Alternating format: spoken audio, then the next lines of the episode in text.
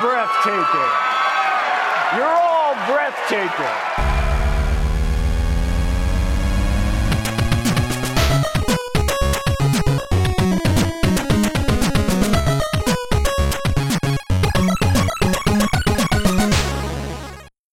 Welkom bij Buttonbashers bonusaflevering nummer 8. De enige bonusaflevering per jaar.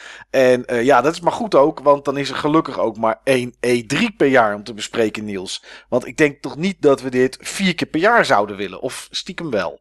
Nou ja, meestal zijn het wel van die lange afleveringen waar we ook flink lang voor zitten.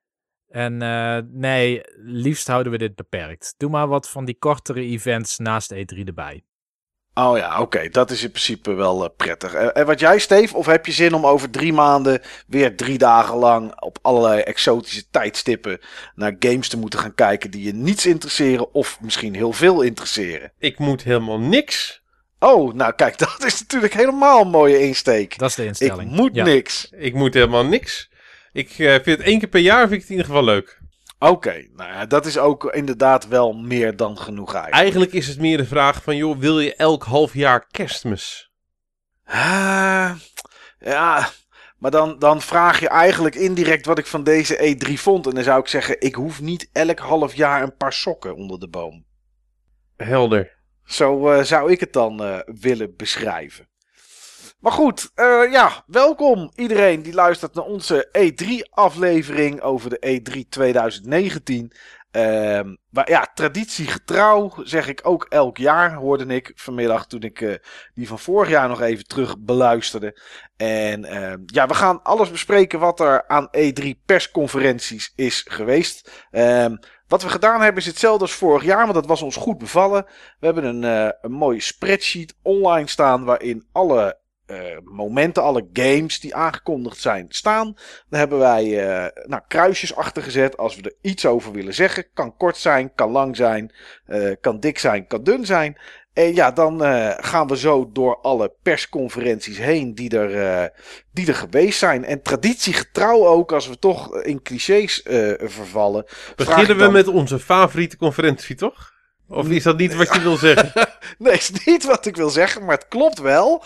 Uh, nee, maar ik vraag altijd eventjes op dit punt, kwam ik erachter. Niels, wat heb je live gekeken? Wat heb je teruggekeken? Wat heb je niet gekeken? Ja, ik kom zojuist achter een conferentie die ik niet heb gekeken. En welke is dat? Ik denk dat ik het weet, maar is dat funny nog wat games? Kind of funny die... games, ja. Ja, ja. Ja, vind ik eigenlijk zonde, want ze hebben heel erg veel games aangekondigd. Ja, uh, voor de mensen die geen idee hebben, Kind of Funny Games is een volgens mij pre-recorded, want ik heb een stukje gezien, dus vooropgenomen persmoment van iets meer dan een uur geloof ik, uh, met alleen maar indie games. Ja, klopt. Ja. Maar echt veel indie games en voor veel verschillende platforms. Ja, nou ja, mocht, mocht iemand dat nog terug willen kijken, kind of funny games. Uh, het was ook niet echt onwijs aangekondigd hè, dat zij iets gingen doen. Althans, ik kwam erachter toen bleek dat het aan de gang was. Nou ja, ze hebben de hele E3 lang een soort coverage gedaan. Dus vooral tussen alle conferenties in uh, gingen zij dingen van repliek voorzien.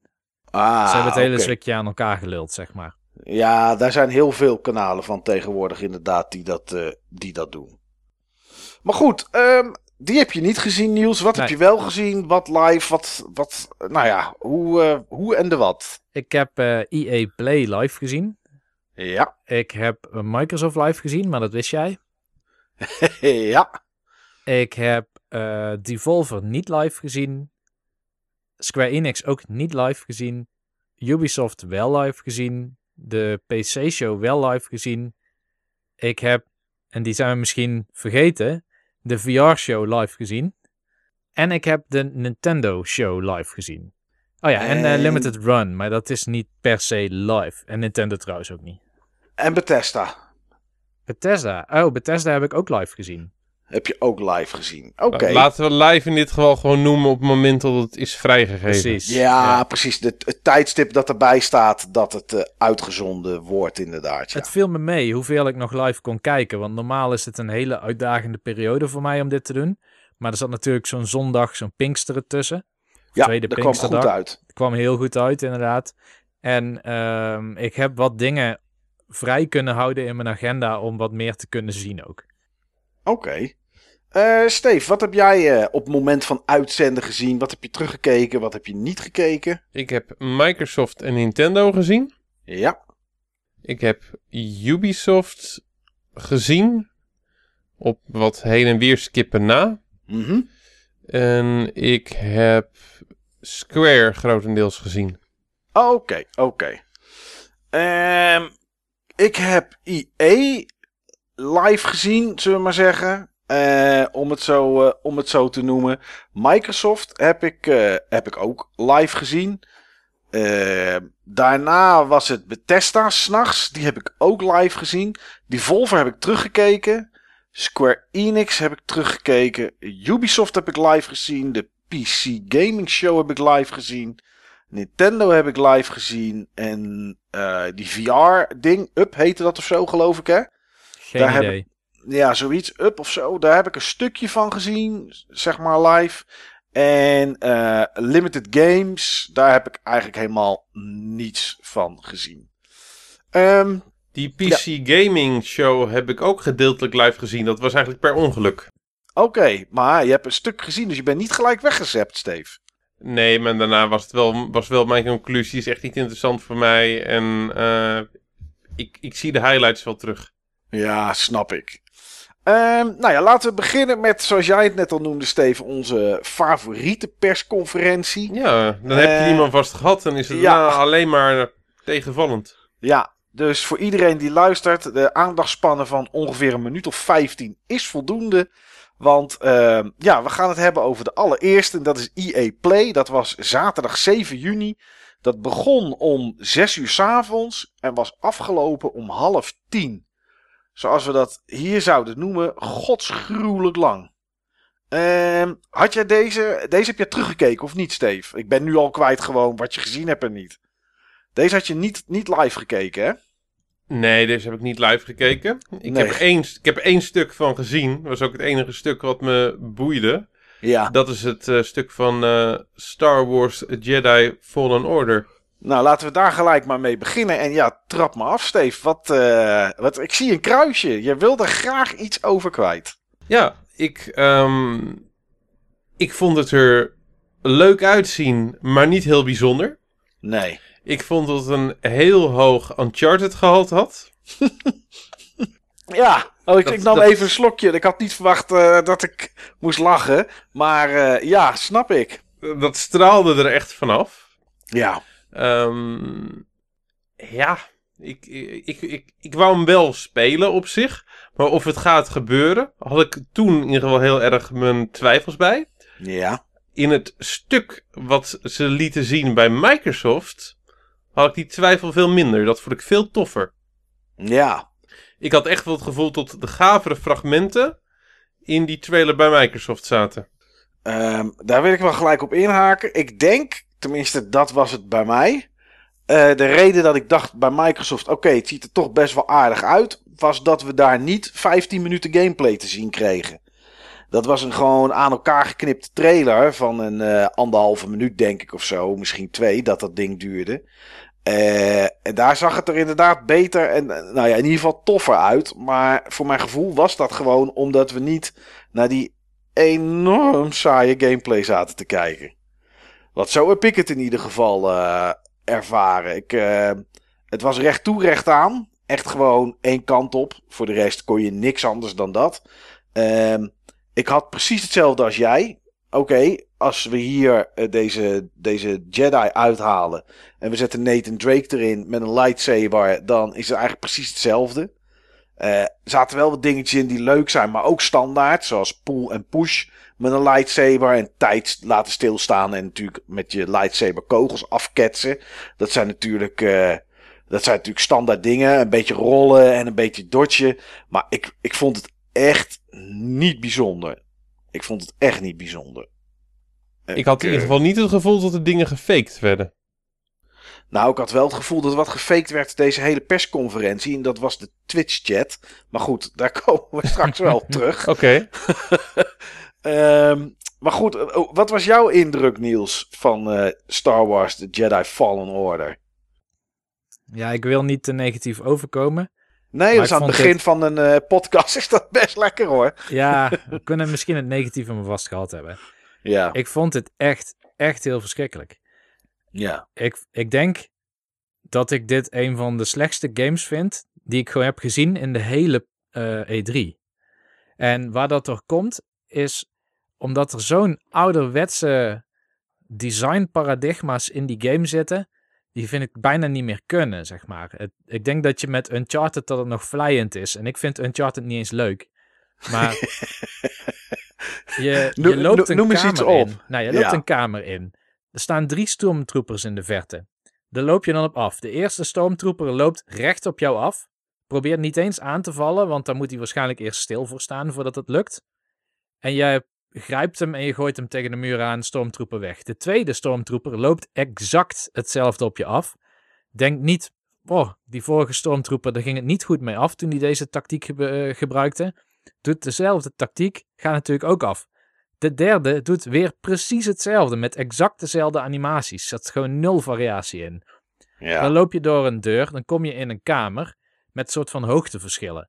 Wat doet die camera? Die gaat dan even los van je player avatar. Die doet zo'n typische PlayStation 1. Moet je deze omgeving toch eens zien? eh, rotatie doen, zeg maar. ja. Die, dan- ook, die ook in Uncharted zit trouwens. Die ook in Uncharted zit, inderdaad. Alleen daar dan nog een beetje cinematografisch is aangepakt. En dan, dan krijg je eigenlijk weer hetzelfde verhaal. Je bent in een nieuwe kamer, staan weer wat stormtroopers in. Die gaan geen enkel grappig ding doen of iets wat apart eruit ziet. En je kunt met hele houterige statische animaties, waar echt nul variatie in zat, was echt de hele tijd hetzelfde. eh, kun je die stormtroopers zonder enige vorm van uitdaging dan weer omleggen. Dus nee, ik zag hier helemaal niks in. Nee. Ja, behalve, dan, behalve dan die Stormtrooper met die... ehm, nou, het is geen lightsaber, maar met dat energiewapen. Zeg maar die, die, die Jedi Hunter noem ik het maar eventjes. Ja. Die ging vervolgens echt een half uur op je inhakken. En dat kon je nog hebben ook.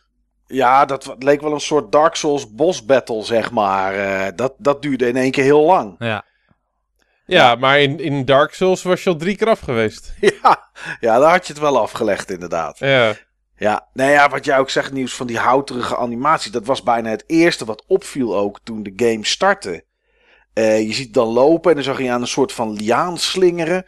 Ja, het leek een soort eh, Earthworm Jim, zeg maar, eh, zoals, die daar, zoals die daar slingerde. Ik, de, de, hele, de hele demonstratie die we gezien hebben, en op zich was de opzet die EA deed veel te lang. Want ze hadden geloof ik eh, zes of zeven games die ze allemaal een half uur lang gingen laten zien en het erover gingen hebben. Dat was aan de ene kant enorm hinderlijk, maar aan de andere kant, je had 15 minuten gameplay. Dus je kon wel echt zien wat het was. dat Maar je zag, je zag wel dat het een hele veilige route is die ze bewandelen. Eh, ja, dat het gewoon allemaal een beetje gedateerd is. En dan zeg ik het denk ik netjes. Ja, terwijl er zitten echt mensen op dat project. eh, van Sony Santa Monica, die aan God of War hebben gewerkt en zo. Dus je zou verwachten dat ze juist dat vloeiende combat en, en wat modernere zeg maar, designparadigma, dat ze die beter zouden beheersen of in ieder geval zouden tonen in zo'n prototype. Ja, Maar het zag er echt uit alsof het een, een in elkaar geknutseld... Respawn, hè? Het is respawn. het is ja. respawn inderdaad, ja. Ja, het dat zag je. Dat Niks zag je ook. Sony. Sony werkt helemaal niet aan, man. Het is, Nee, eh, maar er zaten mensen die daar gewerkt hebben. Oh, Ja, die daar aan- gewerkt hebben. Oh, Ja, oké, ja, sorry. Die kwamen Ja. van Sony vandaan en die zijn naar respawn. Ja. Komen die down? Wauw. Ja, en je zag het dat, ook. dat je, zag, verbaast me wel, hoor. je zag het ook heel snel al dat we naar iets keken van respawn. Want eh, ja, natuurlijk kon deze Jedi, net zoals bij Titanfall, kon je zo over muren heen lopen, zeg maar. eh. Oh ja, nu je daarover begint. Dus je kan over muren heen lopen. En je ziet ook heel goed over welke muren je kan lopen. Want die hebben allemaal dezelfde texture. Ja. Net als als je ergens op kan klimmen. Ga er maar vanuit dat het precies hetzelfde rooster is. Dat ze ergens toevallig hebben neergezet. Dat daar helemaal niet hoeft te staan. Als je erover nadenkt. Van waarom staat hier nou een rooster? Nou die staat er zodat je daar tegenop kan klimmen. Dus, Waarschijnlijk ja, met een geverfd balkje bovenaan of een gele balk bovenaan, zodat je het ziet. Maar ja, waarom zou je als Jedi willen rennen en willen springen als je als Jedi misschien ook wel gewoon een soort kan vliegen en levitaten? Dat is, natuurlijk, eh, dat is natuurlijk de volgende vraag die je zelf gaat afstellen. Ja. Ja, Ik heb trouwens nog een vraag, Mike. Eigenlijk Zeg het twee vragen. ja. Waar vind je Niels nou echt goed in? Waar vind ik nieuws goed in? Waar vind je Niels nou echt goed in? Ik vind Niels altijd heel goed in het heel duidelijk uitleggen wat hij nu precies bedoelt bij de termen die ik standaard nog niet snap. Super. En waar vind je mij nou echt goed in? Ik vind jou altijd goed in enthousiast kunnen vertellen over iets. Dus dat, eh, ondanks wat je gezien hebt, zeg maar, zit er toch enig enthousiasme in je stem bij deze game. Oké, top. Super. Maar stel, stel nou hè. Ja, Als je iemand nodig hebt om echt heel enthousiast over iets te vertellen. ja, Dan zet je daar Niels op. En als je iemand nodig hebt om zeg maar iets complex, echt heel duidelijk eh, te vertellen. eh, met, met heel hoog detail. Dat vraag je aan mij. Haal je dan het meest uit ons? Ehm jeetje, wat een moeilijke vraag. Existentiële Eh, vragen allemaal. Ja, nee, dan denk ik dat ik het om zou draaien. Ja, Maar als ik, als ik echt iemand heel enthousiast over iets wil laten praten, dan zou ik Greg Miller vragen. Oké, eh, dat, dat klopt. Dat, die kan het ook heel goed. Die- Maar het, die, ging eh, even, het ging eventjes om het voorbeeld. Maar Ja. stel hè. Stel, als je zeg maar een hele grote uitgever bent. Ja, à la IE. ja, Je hebt twee softwarehuizen. Je hebt één softwarehuis, dat heeft altijd zeg maar single-player games eh, eh, gemaakt. ja, Beetje, beetje action-adventure-achtig, RPG-elementen. ja. En je hebt één softwarehuis, dat heeft altijd zeg maar ehm, multiplayer games eh, gemaakt. Ja. Wie zet je dan welke opdracht? Ja, gezien de track record van de laatste jaren zou ik BioWare niet op Star Wars zetten. Maar aan de andere kant zou je denken dat ze daar wel het meest goed in zouden zijn. Dat is inderdaad waar ik op doelde. Ik heb wel het gevoel dat als je zeg maar een tactische wissel uit had gevoerd een paar jaar geleden tussen BioWare en, eh, en Respawn, Respawn. Tussen, tussen Anthem en, en deze game, had je waarschijnlijk twee betere games gehad. Ja, Daar heb je Ja. gelijk in. Daar heb je gelijk in. ja, dat zou inderdaad heel goed kunnen. Ja. Ja, Vind ik mooi. Wou ik gewoon eventjes ergens Ja. in eh, deze podcast gezegd hebben. ja nou ja, dat is dit het moment dat we hebben het erover. Nee, ja, het is... ehm, ja, het, ik vind het jammer. Voor een Star Wars, eh, voor een Star Wars franchise vind ik het jammer dat het op dit moment is wat het is. Ik bedoel, eh, geen idee ehm, wat er voor de rest nog met die game gaat gebeuren, zeg maar. Eh, ik verwacht niet dat hij in één keer enorm om zal, eh, om zal keren. Ehm, ja, goed, we gaan het zien op 15 november, want dan moet de game uitkomen. Dus ik verwacht niet dat er heel veel gaat, eh, gaat veranderen aan, Hmm. deze, aan deze titel. Misschien ik ook nog iets te positief over deze game ben geweest. Iets te enthousiast. Want ik ben natuurlijk wel heel erg in Star Wars, Star Wars mood laatst. Ja, Die, eh, die poppetjes op Koningsdag, die hebben aardig wat teweeg gebracht. ja, dat snap ik. Dat snap ik. Nou ja, ik wie zit, weet ik zit nu ook bij. naar mijn splinternieuwe vintage Millennium Falcon te kijken uit 1978. Oh, kijk. Ja, ja, dan snap ik dat de hype er wel een klein beetje Ja, dat, is. dat steeds. was een karwei, jongen, om die schoon te maken. Ja. Oh, man, man, man. Ik heb nog nooit zo lang ergens over gedaan om het, scho om het schoon te maken. Heb je het met een hoge drukreiniger gedaan of met een tandenborsteltje? Met een tandenborsteltje, met tandenstokers, met eh, schoonmaakdoekjes, met een sopje. Ik heb echt alles in de strijd gegooid. Ja, mijn nagels. Nee, dat echt, dat echt overal, dat ding heeft echt overal hoekjes en dingetjes en datjes. Ik heb hem echt helemaal moeten tracen overal. Ja, Maar hij, Snap ik. alsof, hij ziet er nu echt uit alsof hij gewoon uit de winkel komt rollen uit de 78. nou, ik denk dat hij er beter uitziet dan wat we gezien hebben van Dat Star Wars. was de grap die ik ook Order. gemaakt, maar ik ben blij Oh. dat jij dat nog eventjes doet. Ehm, ja, goed. Daarna Apex Legends. eh, ging over seizoen 2. Een nieuw wapen dat erin zit uit Titanfall. En een nieuwe hero eh, genaamd Watson. Ehm, daarop kwam Battlefield 5. En het gaat. eh, Battlefield 5 krijgt Season 4. Ehm, ze hebben ook al gepraat over Season 5. Dat komt ergens in de herfst. En de, ja, er komen vier nieuwe maps aan. En hier en daar een nieuwe modus. En ja, het verbaast mij, Niels. Maar jij wilde hier iets over kwijt. Ja, ik wilde hier iets over zeggen. Eh, ik heb geen enkele Battlefield gespeeld sinds 1942, de originele. Ja. Die vond ik super cool in die tijd. Want het was volgens mij een van de eerste waarin je volgens mij 64 spelers of zo tegelijk had. Of 32. Het was in ieder geval veel meer dan dat we gewend waren. Mhm. Je had van die spawn points en je kon een vliegtuig instappen of een, eh, of een tank of zo. Er zat heel veel sandbox play in. En dit was voor het eerst dat ze iets lieten zien wat mij weer aansprak op die eh, elementen. Oké. En of dat ik het dan ga spelen, dat weet ik nog niet. Maar als het in zo'n Game Pass komt, ehm, voor PC Game Pass of wat dan ook, dan zie ik de kans vrij groot dat ik hem ga proberen.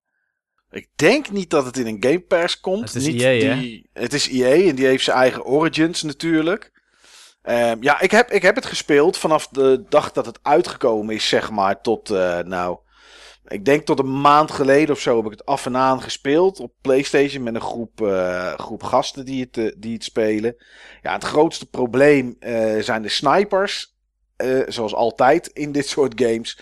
En het andere grote probleem waren de aantal maps, want ze hebben gewoon echt vanaf dat de game uitkomt, volgens mij was het november, want hij was natuurlijk wat uitgesteld vorig jaar, was het ergens halverwege november of 22, 23 november. Tot aan eh, eind mei of zo hebben ze gewoon geen enkele nieuwe map in die game gestopt. En het zou op zich niet erg zijn als er heel veel maps in zaten, maar er zaten er maar vier in. En eh, ja, dan, eh, dan ben je heel snel klaar met, met, met de game. Maar goed, ik, nou ja, wie weet, Niels, komt het ergens eens een keer in. Het is, Of, het is free-to-play is ook goed, maar maakt het niet uit. Nee, Maar ik ga dan, ik ga dan niet aanschaffen, zeg maar. Als hij op mijn pad komt via een weg, via Game Pass of via free-to-play, dan probeer ik hem. Oké. Ehm, het volgende half uur was voor FIFA 20. Nou, ik heb, eh, ja, ik heb het zijdelings gezien.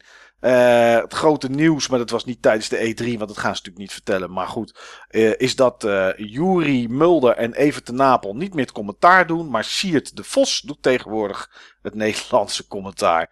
Dus dat zal wel grappig zijn. Eh, Volta Street Football, dat is de story. En dat is, ja, lijkt een beetje op FIFA Street. Wat we gezien hebben, of wat we kennen van de PlayStation 2 en de GameCube. En misschien zelfs nog wel een keer op de PlayStation 3, maar dat weet ik niet zeker. Eh Madden NFL 20 kwam daarna. Nou, iets met nieuwe formaties, eh post-launch nieuwe formaties. Spelers hebben abilities. Ja, het, ken het voor de rest niet. Dus het zal, het zal wel. En de afsluiter, waarvan we eigenlijk niet hoopten dat het de afsluiter was, maar iets bijzonders, was Sims 4. Eh, Island Living komt eraan. Daar zitten zeemeerminnen zitten daarbij. En ehm, er kwam nog een losse pack aan. En daar zaten genderneutrale wc's in.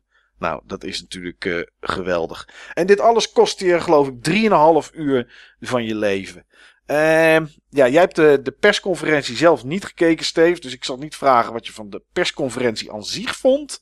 Nee, wat Ehm. ik wel wil zeggen is dat ik dit de perfecte samenvatting vind van de huidige staat van onze samenleving.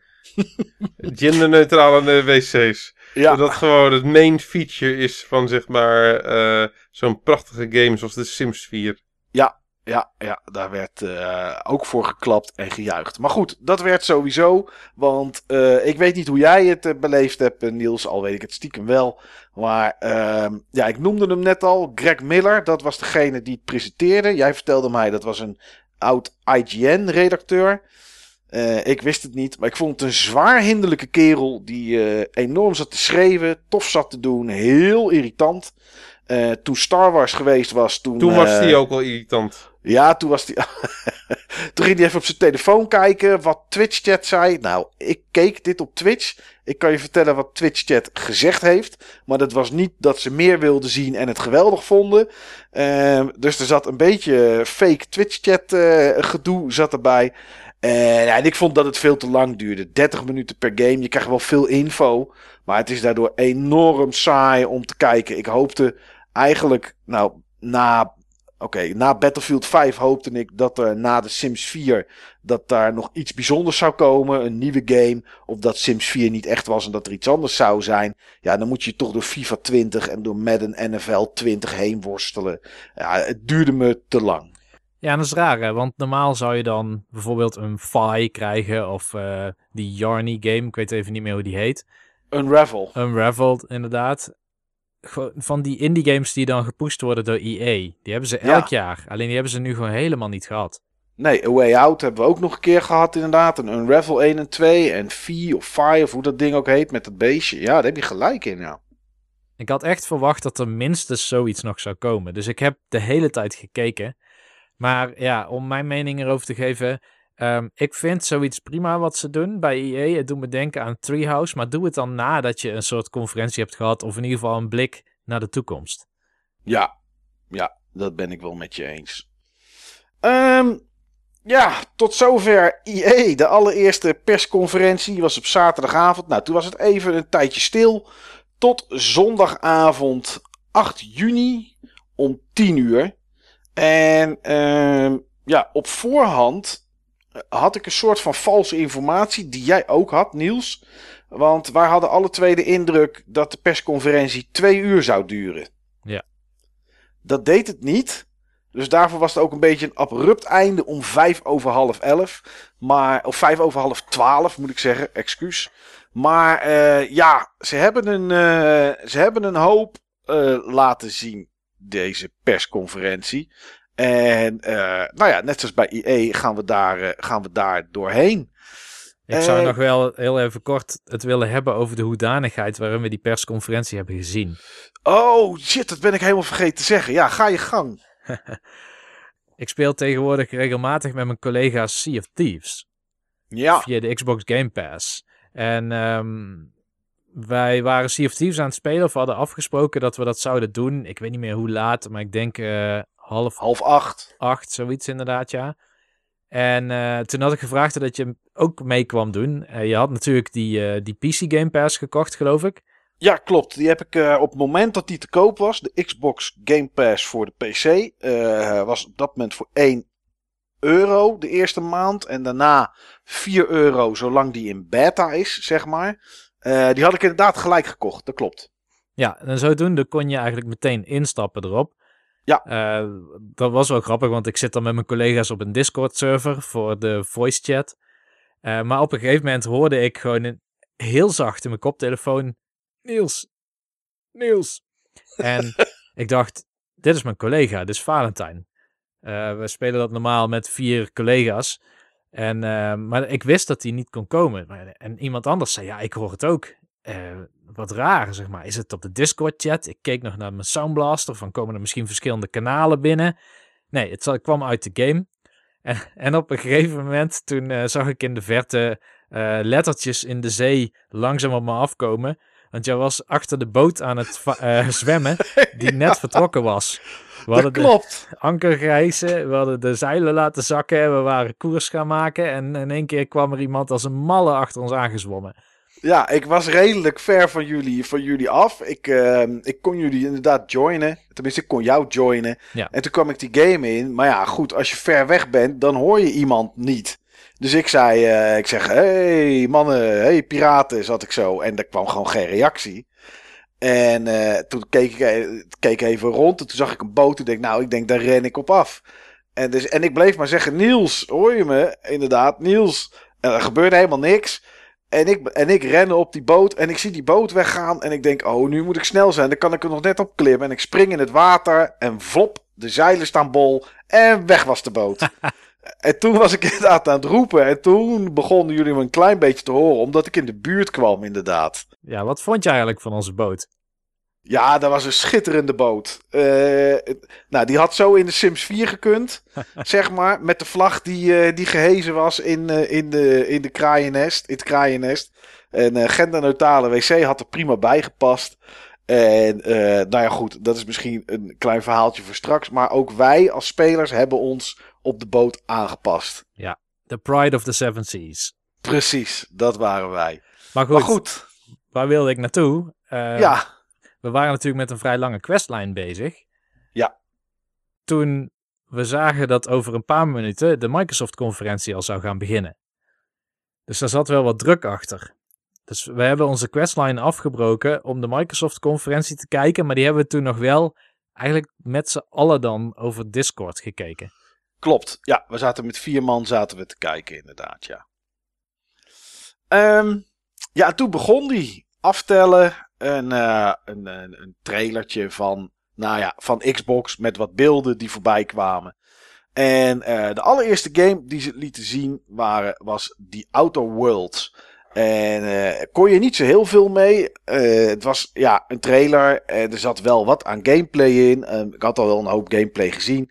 Dus eigenlijk heb ik er niks nieuws over te vertellen. Behalve dan dat ik het nog nooit over die game heb gehad in de, in de podcast. En ik dacht van ja, daar wil ik het toch eigenlijk wel eh, even over hebben. Eh, komt op 25 oktober komt de game uit. Zit gelijk in de, in de Game Pass. Nou, dat is eh, erg lekker. Ehm, ja, en het is een Fallout-achtige game. Ehm, het is eh, gemaakt door Obsidian. Dus de gasten die eh, onder andere Fallout New Vegas hebben gemaakt. En eh, tezamen met de originele bedenker van Fallout 1 en 2. En het is iets meer eh, fantasieachtig. Met andere planeten en aliens-achtige figuren. En wapens die daarbij horen en dat soort dingen. Het is niet zoals Fallout dat het de echte wereld is met ja, mutanten en dat soort spul. Ehm, maar ja, ik vind, het, eh, ik vind het er leuk uitzien. En hoe meer ik ervan zie, moet ik zeggen, en dat is niet bij alles zo, eh, hoe meer zin ik in die game krijg. Het is wel een game, dat zei jij ook Niels, die niet al te groot schijnt te zijn. Je, schijnt er met een uurtje of 30, 40 schijn je er doorheen te kunnen lopen. Maar ik moet zeggen, dat vind ik eigenlijk tegenwoordig wel genoeg. Eh, als ik kijk naar RPG's waar 80 tot 100 uur in moeten. Dat is, ja, die commitment is toch wel, eh, toch wel, een, beetje, toch wel een beetje lastig tegenwoordig voor mij. Maar goed, die Outer Worlds, eh, ja, iets waar ik, eh, waar ik zin in heb. Komt ook voor, eh, voor PS4 trouwens en voor PC. Maar ja, zit dus in ieder geval in de Game Pass. Omdat Obsidian natuurlijk tegenwoordig van Microsoft is. Dus ja, dat is, alvast, dat is alvast winst, zullen we maar zeggen. Daarna kregen we Bleeding Edge te zien. Ja, was niks meer dan een CGI-trailer waarbij stond vanaf 27 juni is het technical test. Het is een 4 versus 4 battle game. Eh, ja, mocht je, er, eh, mocht je ervan houden, eh, als het goed is kan je je inschrijven voor, voor deze test. Ori and the Will of the Wisps. Ja, Niels, zeg het maar. Dit zag er zo mooi uit. Dit zag er Schitterend, echt te hè? gek uit. Ja, ja, en ik vond de originele Ori al mooi, maar het, het komt als een tech demo over of zo, vergeleken met hoe dit eruit ziet. Ja, Gewoon zo kleurrijk en eigenlijk die driedimensionaliteit die deel 1 niet echt had. Ik bedoel, het was wel technisch gezien een 2,5D game, zal ik het maar noemen. ja. Maar hier zie je echt van die mooie modellen gewoon rondlopen in de achtergrond. Het zag er echt te gek uit. ja. Wat, eh, wat was jouw gevoel erbij, Steve? Ja, deze wil ik wel spelen. Ja. Ik eh, hoop dat hij ook naar Switch komt uiteindelijk. Ja, dat kan er heel mooi uitzien, hebben we gezien aan een eh, game bij Nintendo. Nee, dit, dit, moet de Switch wel, eh, dit moet de Switch wel goed kunnen trekken. Ja, het zou mooi zijn als ze het deden. Dat zou wel mooi Ehm, zijn van Microsoft. Cuphead ziet er ook echt goed uit hè, op Switch. Cuphead ziet dat- er zeker goed Daar uit. heb je eigenlijk nauwelijks verschil ehm, Ja. ten opzichte van de Xbox. Ja, nee, dat is zo. Dat ziet er echt, eh, ziet er echt heel netjes uit. Wat ik niet door had bij de eerste Ori, en misschien zat het ook niet in de eerste Ori. ehm, ik had het gevoel dat hier best wel veel bossfights in zaten. Ehm, dat valt Of bij ik de ervaar eerste... het als bossfights. Ja, het, het valt bij de eerste Ori wel mee, inderdaad. Je hebt wel wat grotere tegenstanders soms, maar vaak moet je dan wat met environment doen, zeg maar met de omgeving. Ehm, ja, hoe dat hier gaat uitpakken, geen idee nog. Duurt ook nog wel even, 11 februari 2020. Voordat, eh, voordat de game er is. Dus dat eh, is nog wel even weg. Maar die muziek ook, jongens. Man, man, man. Dat was in de eerste natuurlijk al goed. Dat was echt, nou ja, ik ben niet zo snel ontroerd. Ik zou ook niet zeggen dat ik heb zitten huilen bij Ori en The Blind Forest. Maar ja, die muziek, dat, dat doet het wel hoor. Hé. Potverdorie. Het is gewoon zo sfeervol. Ja. En nog steeds handgetekend en, en, en dat soort dingen allemaal. Ja, dat is, dat is echt geweldig. Het heeft wel lang geduurd, vind ik. Want dit is volgens mij het tweede of derde jaar. Ik denk het derde jaar dat we Ori zien. Volgens mij zagen we. Na nee, twee E3's geleden, ja, dan is het de derde keer. Wa- Zagen we volgens mij de aankondiging. Vorig jaar zagen we er ook iets van. En nu dan eindelijk, wanneer de game komt, eh 11 februari. Ehm, zit ook, ik zeg het er nog maar even bij, eh, direct in de Xbox Game Pass. Dus Ja, Ja. net als al hun first-party releases. Ja, ze hebben 34 games laten zien die ehm, direct uitkomen op Xbox Game Pass. Dus dat is wel, eh, dat is wel erg netjes. Is het iets dat je toch denkt van, als die niet op Switch komt, dan pik ik nog eens een keer ergens een goedkope Xbox op, Steve? Of laat je hem dan toch maar lopen? Dan zou ik eerder voor het volgende model Xbox gaan, wat toch backwards compatible is met alles. Ja, en dat je hem daarop speelt inderdaad, ja. Ja, ja, ja, ja. Ga jij hem spelen, Niels? Absoluut. Absoluut. Dit is Kijk. een van mijn favoriete genres tegenwoordig, Metroidvania. Ah, oké. Ja, ja. Het is wel in de winter, hè? Dan is het eigenlijk altijd StarCraft-tijd voor jou. Oei, dat is waar. ja. Misschien, misschien niet uit launch. Nee. Nou ja, goed. 11 februari is nog een eindweg. Minecraft Dungeons was de game die we daarna te zien krijgen, kregen. Eh, komt uit, ook voor PS4 en Switch en weet ik wat allemaal. Eh, zit uiteraard ook in de Game Pass. Ehm, Star Wars Jedi Fallen Order, nou hebben we het net over gehad. Die kwam daarna eh, kwam die nog een keer in beeld. Eh, een nieuwe game daarna werd aangekondigd. Blair Witch. Ik moet heel eerlijk zeggen, Ehm, ik herkende het op een gegeven moment wel. Er zaten wel wat bekende fragmenten in uit de film. Maar we hebben eigenlijk geen gameplay gezien. Ik heb nergens kunnen lezen wat het nu is. Maar 30 augustus is het er. Gelukkig zit het in de Game Pass. Eh, dus kunnen we het naar hartelust proberen zonder daar maar iets aan geld voor, eh, voor uit te geven. Ja, de game die erop volgde. eh, Cyberpunk 2077. Ja, Steve. Ik weet niet hoe jij dat moment beleefd hebt. Het moment. Maar ik zat echt met een grote glimlach achter mijn PC. En ik had zoiets van, nou, dit geloof ik niet. Ja, dat was goed, hè? Dat was goed, hè? Dat was toch wel een van de betere E3-momenten in jaren. Ja, ik moet zeggen dat ik dit ook niet aan zag komen. Nee. Nee. Nee. Ja, Dus we eerst inderdaad gewoon eh onscreen als digitaal eh, karakter. Ja, Hij schijnt trouwens een soort met van hologram eh, te spelen. Een soort met van AI. oké. Oké, dat is wel interessant. Nee, we kregen een CGI-trailer te zien. Waar echt 0,0 gameplay in zat. Dat werd duidelijk toen we de tweede trailer zagen. Ehm, en daar zagen we in één keer een bekend gezicht in. En eh, toen ging, het, eh, ja, ging er een soort van schuifdeur open. Er kwam een hoop rook kwam daar achter vandaan. En daar kwam Keanu Reeves het podium oplopen. Want die blijkt in, eh, in Cyberpunk 2077 te zitten. Ik vond het een super gaaf moment. Ja, ik weet niet hoe dat bij jou was, Niels. Want jij kijkt natuurlijk niet zoveel films. Nee, ja, ik ken hem van de Matrix, hè? Oké, nou, dat toch wel. Ja, Ja. ja. Nou ja, mij doet dit helemaal niks. Eh, Nee. Echt helemaal niks, zeg maar. En dat is ook bij bijvoorbeeld Dead Stranding. En mensen, oh, en die zit erin. Dan moet je kijken. Deze speler uit eh, The Walking Dead. The Walking. Dead. Ja, die zit er dan ook in. En eh, wat mij betreft, bedenk je gewoon coole nieuwe karakters. Die niet lijken op een acteur.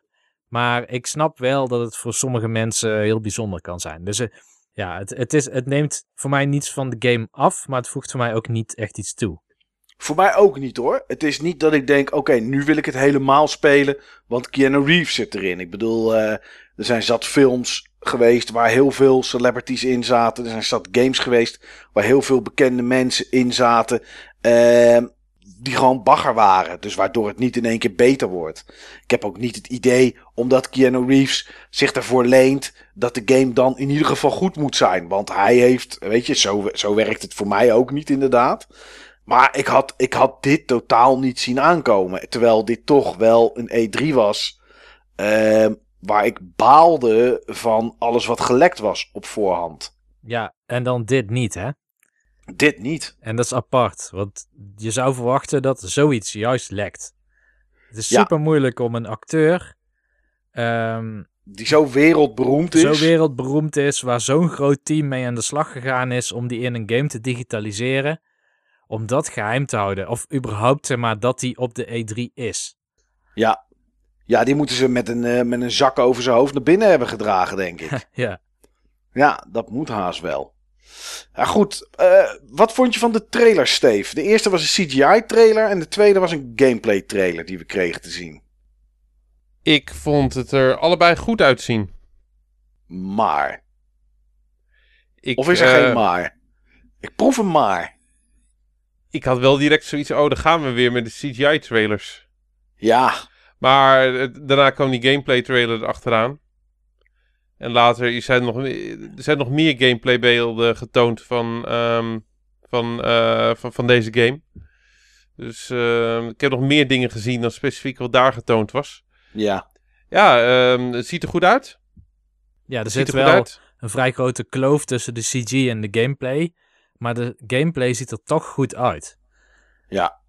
Ja, dat was wel iets wat, eh, wat, wat, wat opviel inderdaad. Ehm, want we zaten natuurlijk op die Discord, eh, Niels. Dus toen, toen zei iemand het, ik weet, niet meer, ik weet niet meer wie het zei.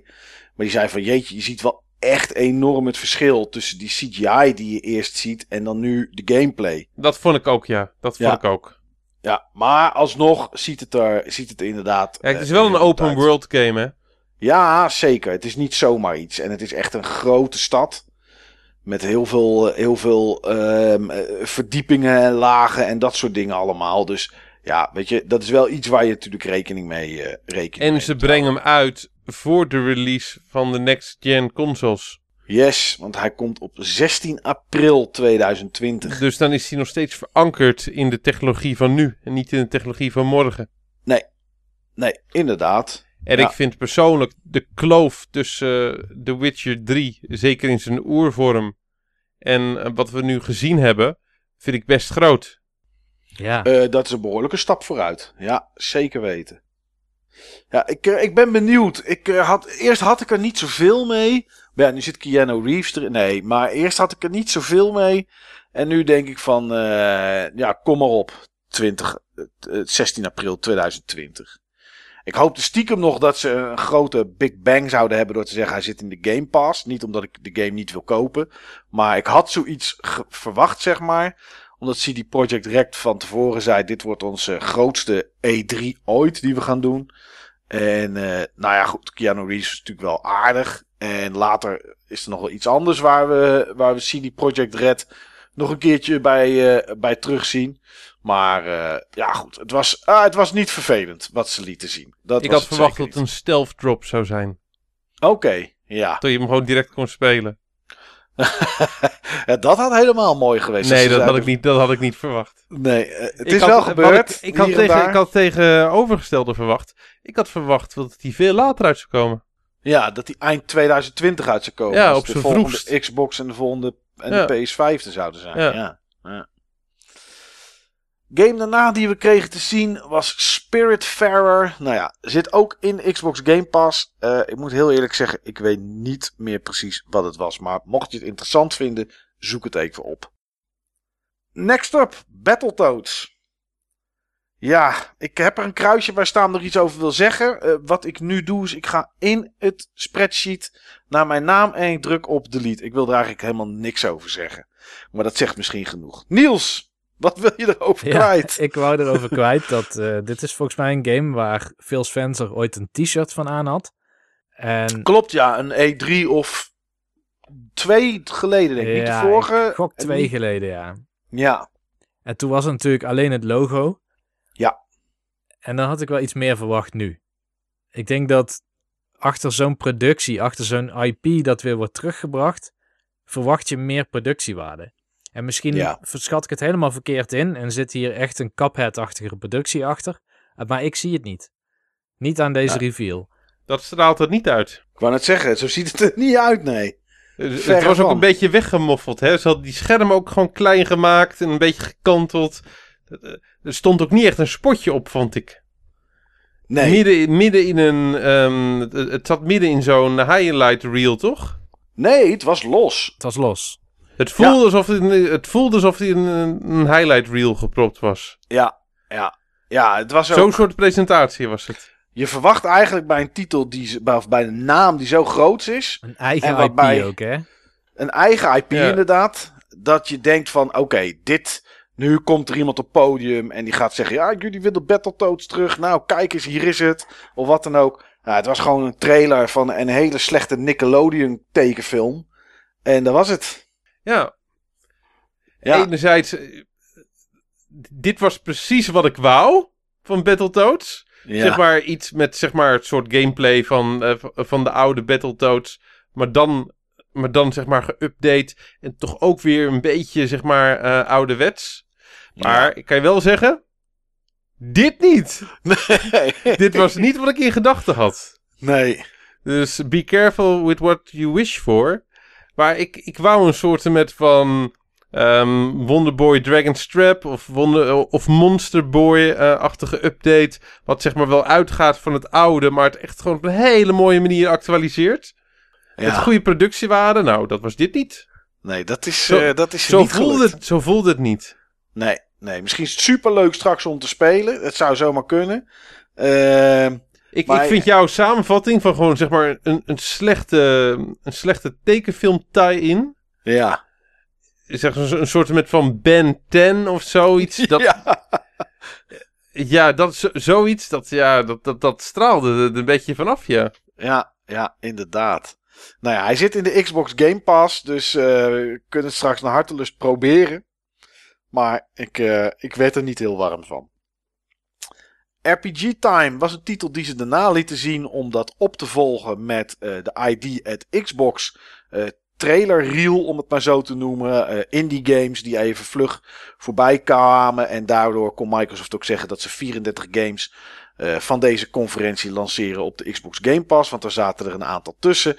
En over die Xbox Game Pass, daar gingen ze het daarna hebben. En het is geen game, maar ik, ik vond het wel een eh, behoorlijk hoogtepunt. Ehm ja, Steve, ik vind dit. eh, wij hebben alle twee daar een kruisje staan om er iets over te zeggen. Maar ik weet zeker dat Niels ook een duit in het zakje gaat doen. Maar ik vind dit toch wel een hele mooie aanbieding. De Xbox Game Pass Ultimate. Xbox Game Pass voor de Xbox One. Xbox Game Pass voor de PC. En Xbox Live Gold. Alle drie voor een abonnement van 14,99 euro per maand.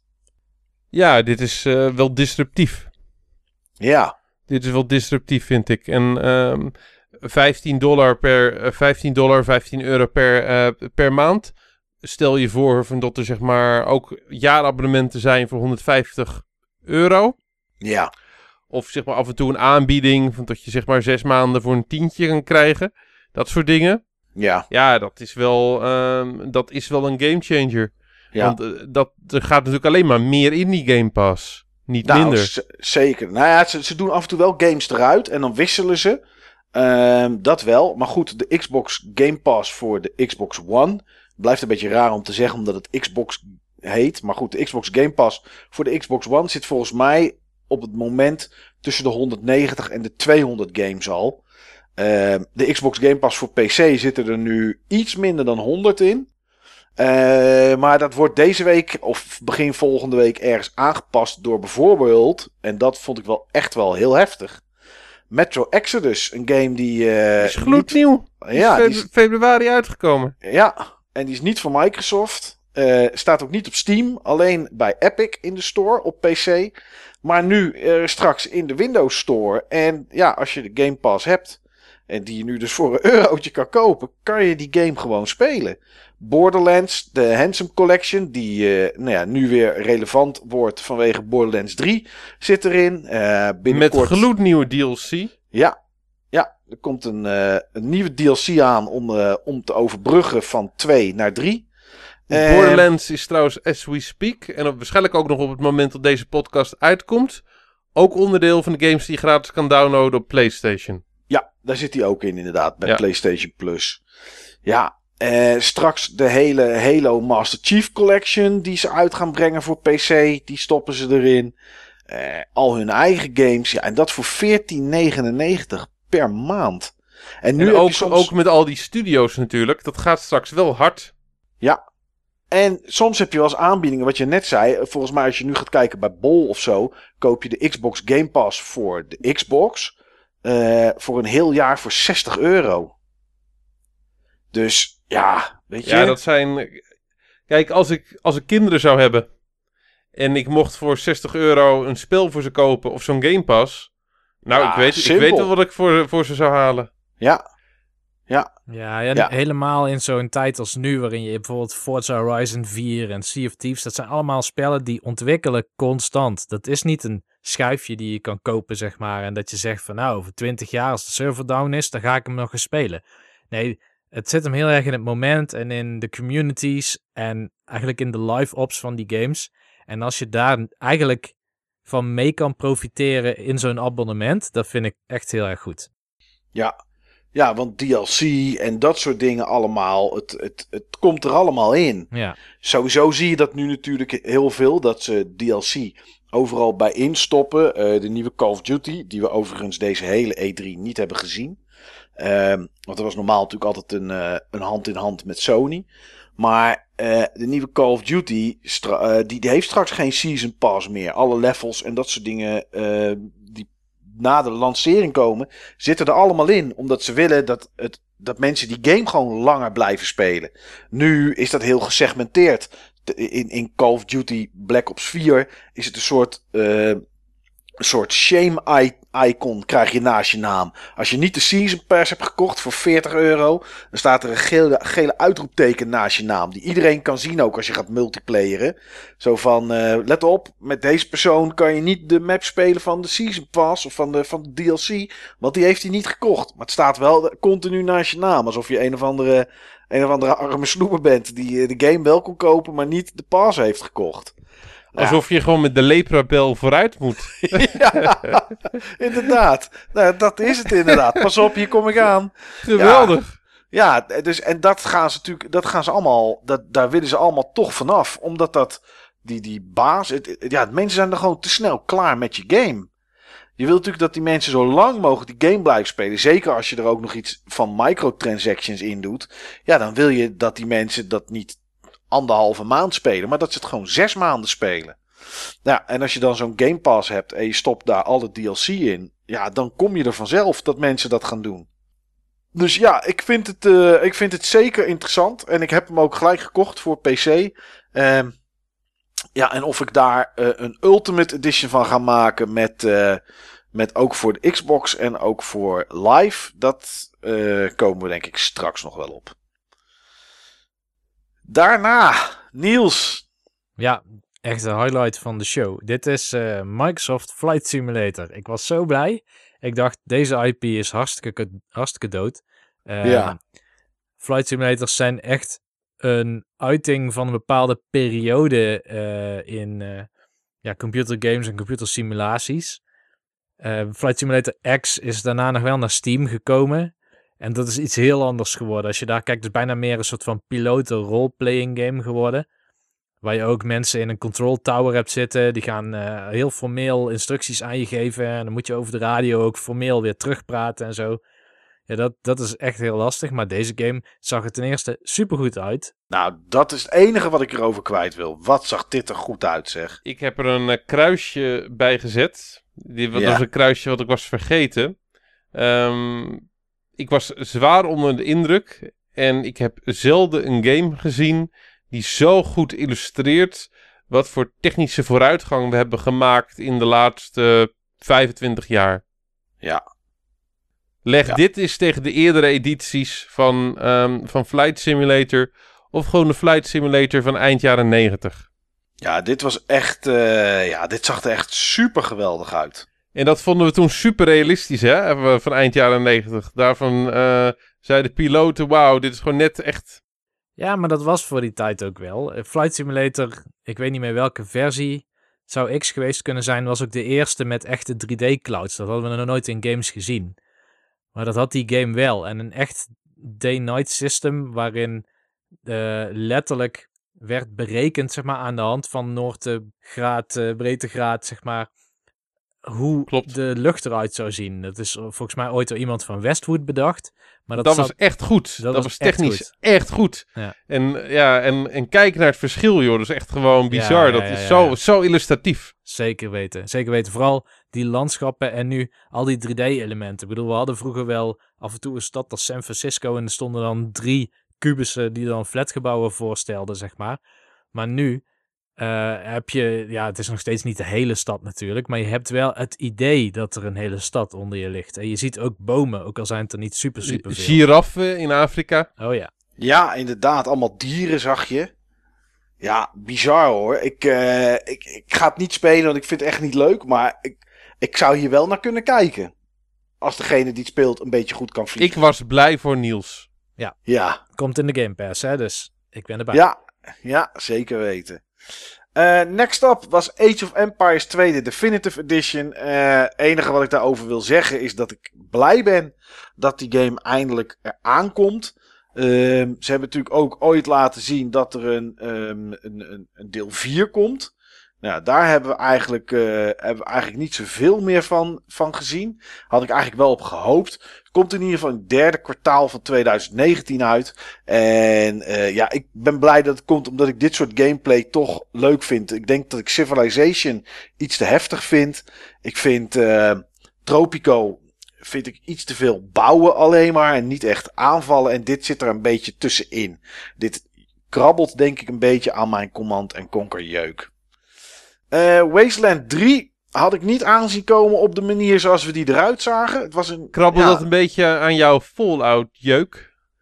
Wasteland 3, nee. Het, eh, het, het krabbelde eigenlijk nergens aan. Ik, ik, wist, ik heb Wasteland 2 gespeeld. Dat was super serieus. Ehm, ik, ik heb denk ik geen enkele keer gelachen in die 15, 20 uur die ik het gespeeld heb. En toen zagen we dit in één keer. En het was veel meer kleur en komischer en dat soort dingen allemaal. Ja, ik vond het een, beetje wennen. Misschien dat dat invloed van Microsoft is. Want het is nu een Microsoft Studio in Exile, degene die het maken. Maar ik, eh, ja, ik ben blij dat het komt, want het zijn wel heerlijke, goede turn-based battles. En dat vind ik altijd wel, eh, altijd wel leuk om te spelen. Daarna eh, ja, kregen we een nieuwe studio te zien van Microsoft, Steve. En deze had ik niet zien aankomen. Nee, ik vond het mooi. Ja, Want ik had toevallig ehm, vrij recent had ik nog een filmpje gezien over, ehm, over Psychonauts. ja, in Psychonauts, dat zou oorspronkelijk zeg maar uitgegeven worden door Microsoft. de eerste. Ja, ja, maar dat hebben ze toen op een vrij lullige manier gedropt. Oké. Dus, ehm, dus Double Fine was toen eigenlijk nog in de problemen terechtgekomen door Microsoft. Ja, En nu vele malen, eh, vele jaren later, eh, is Double Fine van Microsoft en zijn ze er super trots op dat ze Psychonauts 2 hebben. ja, inderdaad. We kregen eh, te horen dat er een nieuwe studio eh, was gekocht. En toen kwam jouw vriend op, eh, Niels. Ja, daar was hij weer. Tim Shaver. Tim Ik vond, hem ik vond hem grappig. Ja, Ja, Het waar we ook aan moeten werken. Maakt of we moeten uit. werken aan, ehm, aan Gears of van Halo of aan Excel, we doen het. ja, inderdaad. Ja, ja, ja. En toen, eh, toen werd er gezegd: nee, nee, nee, je moet er gewoon blijven doen wat je doet. Nou, daar was hij toch wel blij om. Ehm, ja, en toen kregen we Psychonauts 2 te zien, inderdaad. Die eh, wel uitkomt ook voor PS4. Eh, ik weet niet of die ook voor Switch uitkomt, moet ik heel eerlijk zeggen. Ehm, ik denk niet dat hij daarvoor is aangekondigd. Dacht er niet. Nou, hij is, er, is, er is een dingen geweest natuurlijk. Ehm, er is een eh, Kickstarter geweest. Om hem, eh, om hem te, gaan, eh, te gaan laten maken. Dus nou ja, dat wordt natuurlijk netjes gehonoreerd. Eh, nou, hij, komt niet, hij komt inderdaad niet voor Switch. Hij komt voor PS4, Xbox One. Komt naar PC, macOS en voor Linux. Daar, daar, komt, hij, daar komt hij vooruit. Ja, ik, eh, en ik zit natuurlijk in de Xbox Game Pass. Dus ja, ik denk dat ik dit wel ga proberen eh, om, eh, om te spelen, moet ik zeggen. Ik, eh, ik heb de eerste nooit gespeeld. Heb- hebben jullie die gespeeld? Heb jij die gespeeld, Niels? Nee. Jij, Steve? Nee. Apart eigenlijk, hè? Want dit zijn best wel titels die heel veel mensen... Een titel die heel veel mensen lief hebben. En, en ik heb het gewoon nog nooit gespeeld. De allereerste. Net zoals Okami. Misschien moeten we er wat aan doen. ja. Bij mij is eigenlijk het ding dat ik vind Double Fine een hele toffe studio, maar bijna niks wat ze maken vind ik leuk. Nee, dat heb ik precies zo. Ja, ik vind het leuk dat ze bij Microsoft zitten en ik gun het ze. Eh, want ik vind Tim Schafer een, een lachen vent. Ja. Maar ik vind de games die ze maken, net zoals Stacking, eh nou, Psychonauts Cave dan. hadden ze ook, eh, The die Cave Broken is- Age. Broken Age vond ik niks aan. De Cave is wel aardig, moet ik zeggen. Ik ben niet helemaal van ondersteboven. Ze hebben ook nog zo'n andere game gehad waarbij je hoofd, hoofden kon verwisselen of zo. Eh, met vliegende hoofden. Ik weet even niet meer hoe het heet. Dat was, ook, dat was ook een game die ze gemaakt hebben. Dat vond ik ook niet zo geweldig. Dus ja, 9 van de 10 keer vind ik het inderdaad niet zo tof. Maar misschien zegt Microsoft wel van... jongens, we willen een ouderwetse point-and-click adventure. Daar hoop ik dan maar op. Ja. Maar of dat goed gaat lukken als we kijken naar Broken Age... ja, ik uh, ben er bang voor. Maar ik ben wel heel blij voor Double Fine. Want ik ben daar inderdaad geweest. En dat is uh, denk ik in 2012 geweest. Ja. En het is echt een grote studio. Meer dan 100 man volgens mij. Oké, okay. oh, dat is wel fors. Ja, ze waren toen ook volgens mij aan twee of drie titels aan het werken. Ja. En als je dan kijkt wat ze sindsdien hebben uitgegeven, dan, dan ja, Broken Age was gewoon een succes omdat het iets van 3 miljoen in de Kickstarter fase had opgeleverd. En daarna ja. nog een hoop verkocht is. Maar er zijn ook allerlei games daarna geweest die vrij weinig voor elkaar hebben gekregen. Die wel, ja, misschien Kiet hebben gespeeld. Ik, ik weet het niet, hè. Ik, ik uh, speculeer maar. Mm. Maar de echte successen zijn uitgebleven. Eigenlijk de, ja, de dingen die je ook verwacht van Double Fine, die maken ze ook steeds net niet. Nee. En je hoopt elke keer van, nou, pak, uh, ja, ze, ze porten dan bijvoorbeeld, ik noem maar wat, Grim Fandango. Ja. Of, uh, of Day of the Tentacle of zo. Ja, Full Throttle. Ja, maar iets nieuws in die trant of in zo'n lijn of met dat soort humor of met dat soort uh, esthetiek. Dat is wat ik elke keer wil van ze en dat brengen ze niet. Nee. Nee, die game die ik net bedoelde met die hoofden, ik had kunnen raden, was Headlander. Dat was, dat was geen succes. Massive Chalice hebben ze nog uitgebracht in 2015, na Broken Age. Was ook niet zo'n succes. Dus ik hoop wel voor ze dat Psychonauts 2 een, uh, een succes wordt.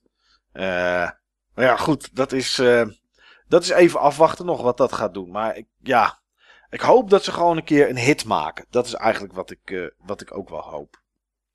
Lego Star Wars, de Skywalker saga werd erna aangekondigd. Alle negen films in één game. En daarna zagen we Dragon Ball Kakarot, denk ik. Ik weet niet of ik het zo goed uitspreek, Steve, maar... Ja. Oh, wat? Ik, ik, ik, ja, ik zag een hoop... Uh, ik, het enige wat ik van Dragon Ball weet is iets met over 9000. Maar ja, jij wilde er toch wel iets over kwijt. Ja, ik vond het er tof uitzien. Ik heb zeg maar vroeger altijd die tekenfilms uh, gevolgd. Ja. En um, daar kijk ik keek altijd naar, zeg maar, als ik uh, uit mijn studie thuis was. Mm -hmm. En um, ja, zeg maar, die verhaallijn die wordt hierin gevolgd. Maar dan in de vorm van een action RPG. Er zijn wel fighting games die zeg maar die verhaallijn ook volgen. Ja. Maar, maar dit is zeg maar op een, op een andere manier. Je had ook volgens mij action RPG-achtige games van Dragon Ball, ook fighters, in de SNES-tijd. En um, ja, wat, wat nu gebeurt is dat ze dan een moderne action RPG ervan hebben gemaakt. Ik weet nog niet hoe het gaat spelen. Maar Nee. ik, vond, ik vond het er tof uitzien. En ik, um, ja, ik, ik, ik wil wel zien hoe dat zich dat uh, ontwikkelt. Ja. Ja, het komt pas in 2020 ook, maar dat is heel veel dat we gezien hebben. Het komt naar Ja. PS4, Xbox One en naar Windows.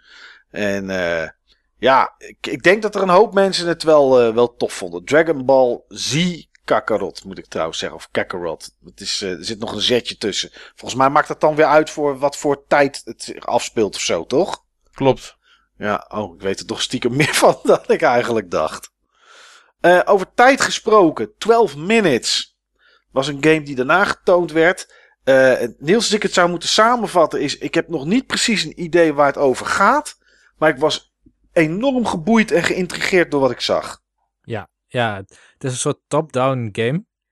En de, het stuk wat ze ons hebben getoond was dat een man aan een vrouw vertelt van ik weet wat er dadelijk gaat gebeuren. Iemand gaat aankloppen en uh, die moet je niet binnenlaten. Uh, maar die vrouw raakt daarvan in paniek. Uh, toch wordt er iemand binnengelaten en vervolgens is het hommeles, zouden ze zeggen. Ja. Dus schijnbaar uh, vindt, kun je dat dan weer terugspoelen of iets dergelijks. Kun je het scenario opnieuw laten afspelen. Andere nee, keuzes. het is een time loop. Het is een time loop. Ja, het zijn time loops inderdaad. Dat is het enige wat ik, wat ik, wat dus ik het is nog niet, het is niet, het, uh, Je hebt geen controle. Ik kan het niet terugspoelen. Dat gebeurt het automatisch. Herhaalt, het, het herhaalt zich, herhaalt zich, herhaalt zich.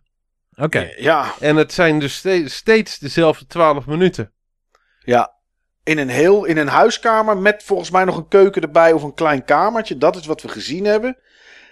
Alleen of het nou chronologisch is door de tijd heen dat die 12 minuten zich afspelen. Of dat het door elkaar gaat.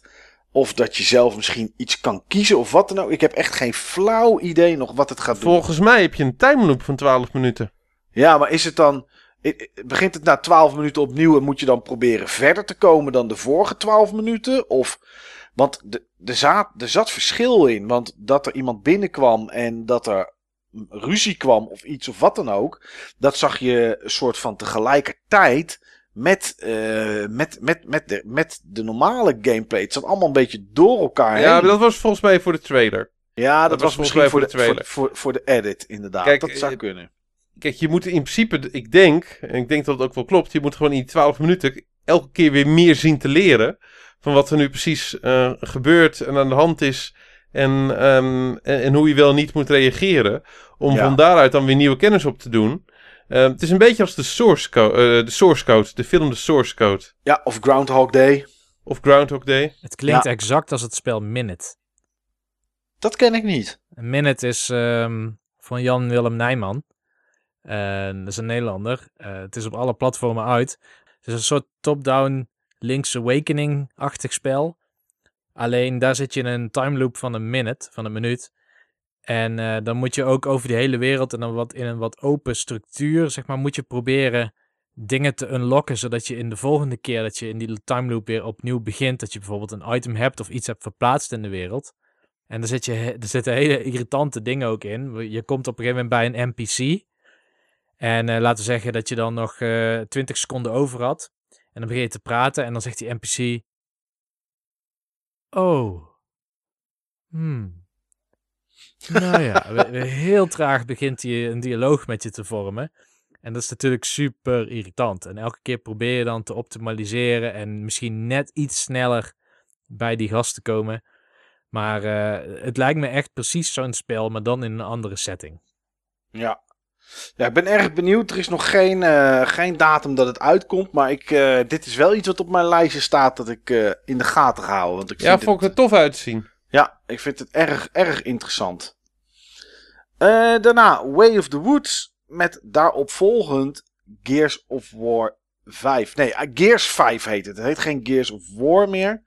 Maar het heet Gears 5.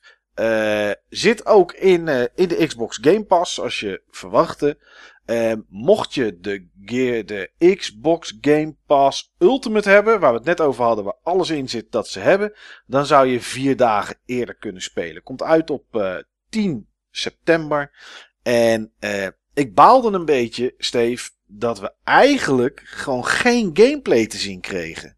Eh, sterker nog, we hebben de vorige keer, bij de vorige E3, hebben we meer gameplay gezien. Ja.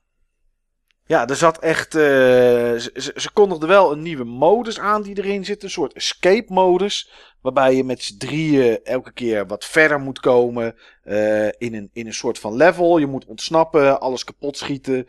Wachten totdat er een timer af is gelopen en er een deur open gaat. En dan weer verder, eh, verder kan. Nou, dat gingen ze ook spelen. Tenminste, daar hebben wij niks van gezien. Maar er zaten drie sterren uit de WWE. Worstelaars zijn dat, van die showworstelaars, van die acteurs. Eh, die zaten onder het podium, ook heel vaag. Het podium Atleten, hè? Atleten. Oh, atleten, ja. Eh, AJ Styles, Ja, ehm, Xavier Woods en Tyler Breeze. ja, inderdaad. Die drie die, eh, die zaten er. En eh, het, ja, het podium ging open, de camera ging naar beneden, allemaal soort Ja, het, is slangen heel- en het is niet helemaal vaag. Die hebben, ehm, die hebben een YouTube-kanaal. Ja, dat klopt. Up, up, down, down. Ja, waar ze games spelen of bij dingen gaan kijken met games, inderdaad.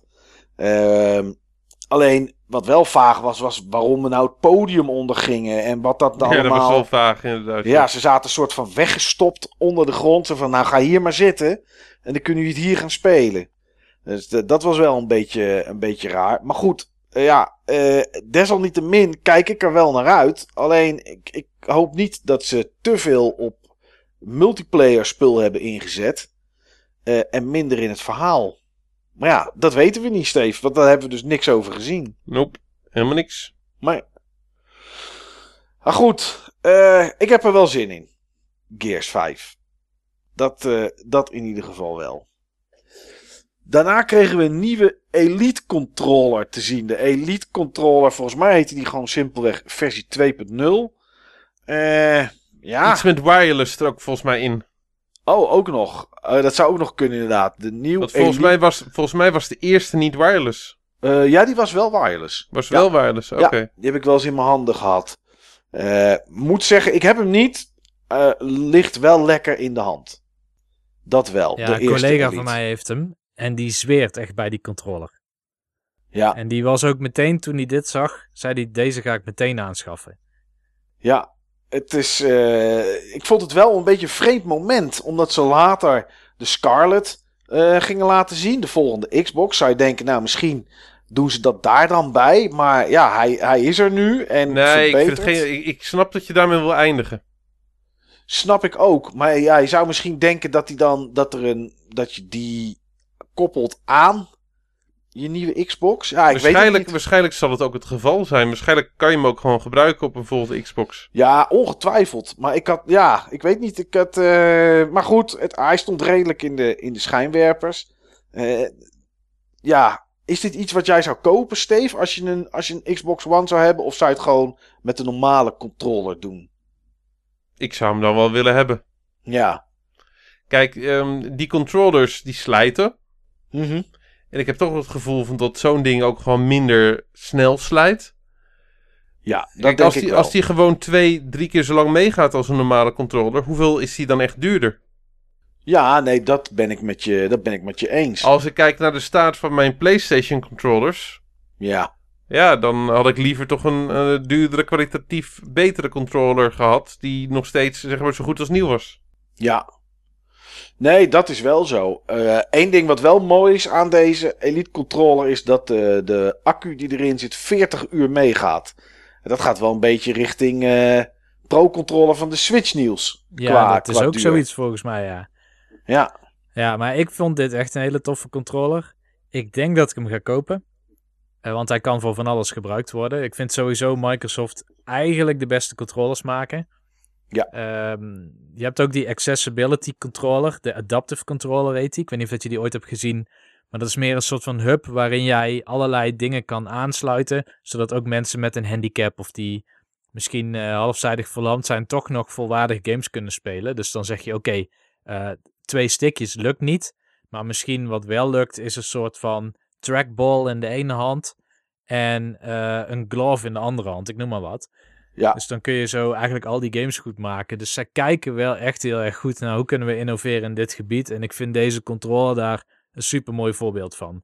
Dus die componenten die erin zitten, die hebben veel meer finesse, zeg maar, eh, dan de controllers van eh, de Switch of van PlayStation. Eh, ze zijn heel verstelbaar. Ik geloof zelfs dat je de shoulder buttons, dat je hoe, ja, hoe, hoe, hoe stug die is, ook nog kan instellen in de controller. Ja en hoe ver je ze in, indrukt totdat ze reageren, zeg maar. je kan er echt hair triggers van maken. Ja, Ja, dat klopt. En je hebt natuurlijk aan de onderkant zitten natuurlijk triggers om, eh, om in te drukken. Eh, de stickjes zijn wat langer, zodat je wat meer precisie hebt. Ik moet zeggen dat dat toch wel prettig is. Zeker, ik merkte dat, ik dacht er eigenlijk nooit zo over na. Maar ik merkte dat toen ik van de eh, Switch standaard controller die erbij zitten, zeg maar, eh, overstapte naar de, naar de Pro controller, want die heb ik. En toen merkte ik hoeveel fijner dat dan is dat je stickjes iets langer zijn. En een kameraad van mij heeft die Nacon controller voor de PS4. Ehm, ook een, geen Sony eigen, maar wel gelicenseerd. Ook een stuk duurder. Ik geloof iets 140 euro of zo. Ja, daar merk je toch ook wel dat een iets langer stickje, dat dat wel prettig is. Dat je dan toch veel preciezer kan richten of kan lopen of wat dan ook. Dus ja, ik, ik ben ook wel enthousiast, moet ik zeggen, over deze, over deze controller. lijkt me echt zo mooi iets dat eh, bijvoorbeeld als je de BTW terugactie of zo bij Mediamarkt hebt, dat je hem op zo'n moment koopt. Tenminste, zo zie ik het. Zo'n aankoop. Ja, dit soort apparaten zijn dan vaak eh, uitgesloten. Oh, bah.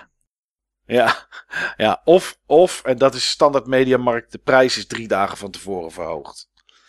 Want dat kunnen ze natuurlijk mooi doen tegenwoordig met die digitale prijskaartjes. kunnen ze met een druk op de knop alles in één keer verhogen. Ja, het heeft in ieder geval echt een hele premium feel. Ik heb die eerste controller ook wel eens in mijn hand gehad. Ja, En ehm, ik denk dat de Switch Pro controller nog wel het meest in die richting voelt. Door de, de placement van de sticks en door de sturdiness van de controller, zeg maar. Hij voelt wel minder plastic aan dan de PlayStation 4 controller. Maar dan nog veel extremer. Het is echt een heel stevige controller. Ja. Nou, wat, waar, waar ik, en daar loop ik nu, eh, daar loop ik nu eigenlijk een beetje tegen aan.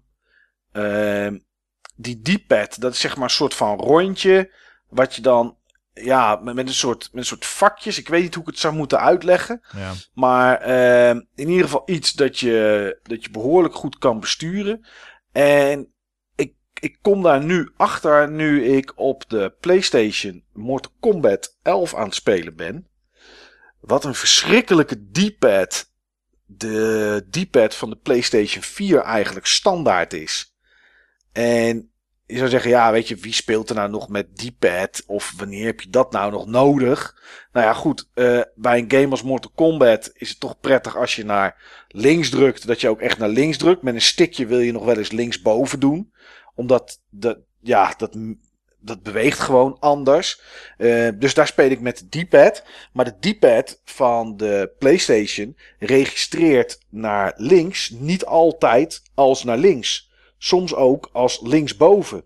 En dat komt omdat die D-pad uit één stuk plastic gemaakt is. En moet je maar eens, je let er nooit op, maar moet je voor de grap maar eens je PlayStation controller pakken, de de D-pad naar links indrukken en kijken wat de rest van de, eh, de directiebuttons doen. Wat boven, beneden en rechts wat die doen. Die bewegen mee. Dus als je naar links drukt, heb je nog steeds kans dat je één keer in de twintig keer of zo ook boven indrukt. Omdat het één stukje plastic is. En dat is, heb je hier ook geen last van. En ik ben niet een onwijze meester in Mortal Kombat. Maar als ik naar links druk, wil ik dat hij naar links gaat. En niet over toe een keer naar linksboven. En met deze controllers heb je daar gewoon geen last van. Dit doet echt gewoon wat je indrukt. En dat is toch wel prettig, moet ik zeggen. Dus ja, ik, eh, ik hou mijn ogen open. Ik ben benieuwd, eh, ben benieuwd wat die gaat kosten en wanneer die, wanneer, die, wanneer die uitkomt. Oh nee, uitkomt weten we. Dat is 28 oktober van dit jaar. Dus ik ben heel benieuwd wat die gaat kosten. Het zal wel, denk ik, 149 euro zijn of zo. Vermoed ik zomaar. Eh Dying Light 2 werd daarna getoond. Komt uit in de lente van 2020. En met daarna in beeld eh, ja, Lego blokjes, Niels. Heb ik hier een kruisje bij staan? Jij hebt hier een kruisje bij staan. Oh ja. Ja, nou. Oh, ik denk dat ik wel weer weet waarom. ja. Ehm, ik vond het wel grappig om te zien dat je in de Forza Horizon 4 engine die Lego auto's hebt, maar dan wel met die belichting die je verwacht van Forza. Ja, want wat er getoond werd was Forza Horizon 4 Speed Champions. Ehm, komt deze week al uit. Zit gratis bij de Game Pass, et cetera, et cetera. Volgens mij voor iedereen trouwens die Forza Horizon 4 heeft. Zeg ik eventjes. Ehm, ja, en het zijn Lego auto's met een nieuw stuk continent. Waar je ja, mee kan racen.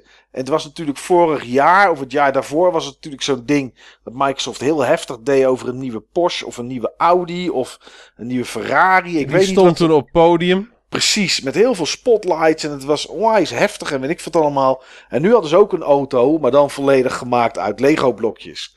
En dat vond ik dan, eh, dat vond ik dan wel grappig. Ja, ik had precies hetzelfde. Ik zag dat Forza-logo en ik hoorde zeg maar de geluiden. Ik denk van kijk, er komt er nu een auto het podium oprollen. Ja, ja. En dat En kwam het, wa- ook. en het was ook maar compleet anders dan ik verwacht had. Ik vond het tof. Ja, ja, ik vond dat ook tof. Eh, en ik vind het tof.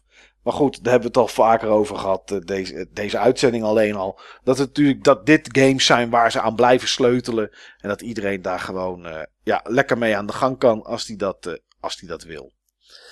Gears Pop werd getoond voor iOS en Android. Een nieuwe uitbreiding voor State of Decay 2. En daarna free-to-play. In 2020 nog niet aangekondigd voor Europa, maar dat komt ongetwijfeld. Fantasy Star Online 2. Dat had ik niet zien aankomen, Steve. Maar die game is volgens mij best wel oud, toch? Jij zei 2012 volgens mij al. Fantasy Star Online 2. Klopt, ja. Ja. Maar goed, hij komt naar het westen, gratis. Dan hebben ze zoveel kansen gehad, joh. Dan zie je het ook niet meer aankomen. Nee, nee, inderdaad. Op het moment dat het uitkomt, zou je het misschien een jaar later nog verwachten. Maar ja, eh, dat ja, niet. dat, dat, daarom had ik ook een kruisje gezet. En eh, joh, ik kijk altijd naar de Happy Console Gamer. Ja, En die is een groot eh, Fantasy Star Online fan. Die heeft het ook gespeeld op de Dreamcast. ja. En ehm, ik dacht, joh, die gaat er helemaal van uit zijn plaat. Ik weet zeker op het moment van dat zeg maar, zijn reaction video uit is, eh, dan is dit een van zijn highlights. En ja hoor. Ja, Dat is wel leuk als je die, ehm, als je die YouTube mensen die je volgt ook echt gewoon op die manier zo goed leert kennen. ja, ja. Ja, dat is wel grappig inderdaad. Maar ga je, is het zelf iets dat je zou willen spelen? Het is natuurlijk een MMO, dus het is sowieso, nou ja, We noemen het maar eventjes een MMO light. ja. Ehm, Maar het zuigt ik- een hoop tijd. ja, ik weet wel dat Destiny in zijn opbouw, in zijn structuur, ook heel veel leent in feite van Fantasy Star Online. Ja, Ik weet niet, ik, eh, ik wil er wel meer van zien. Ik ben wel benieuwd. ja.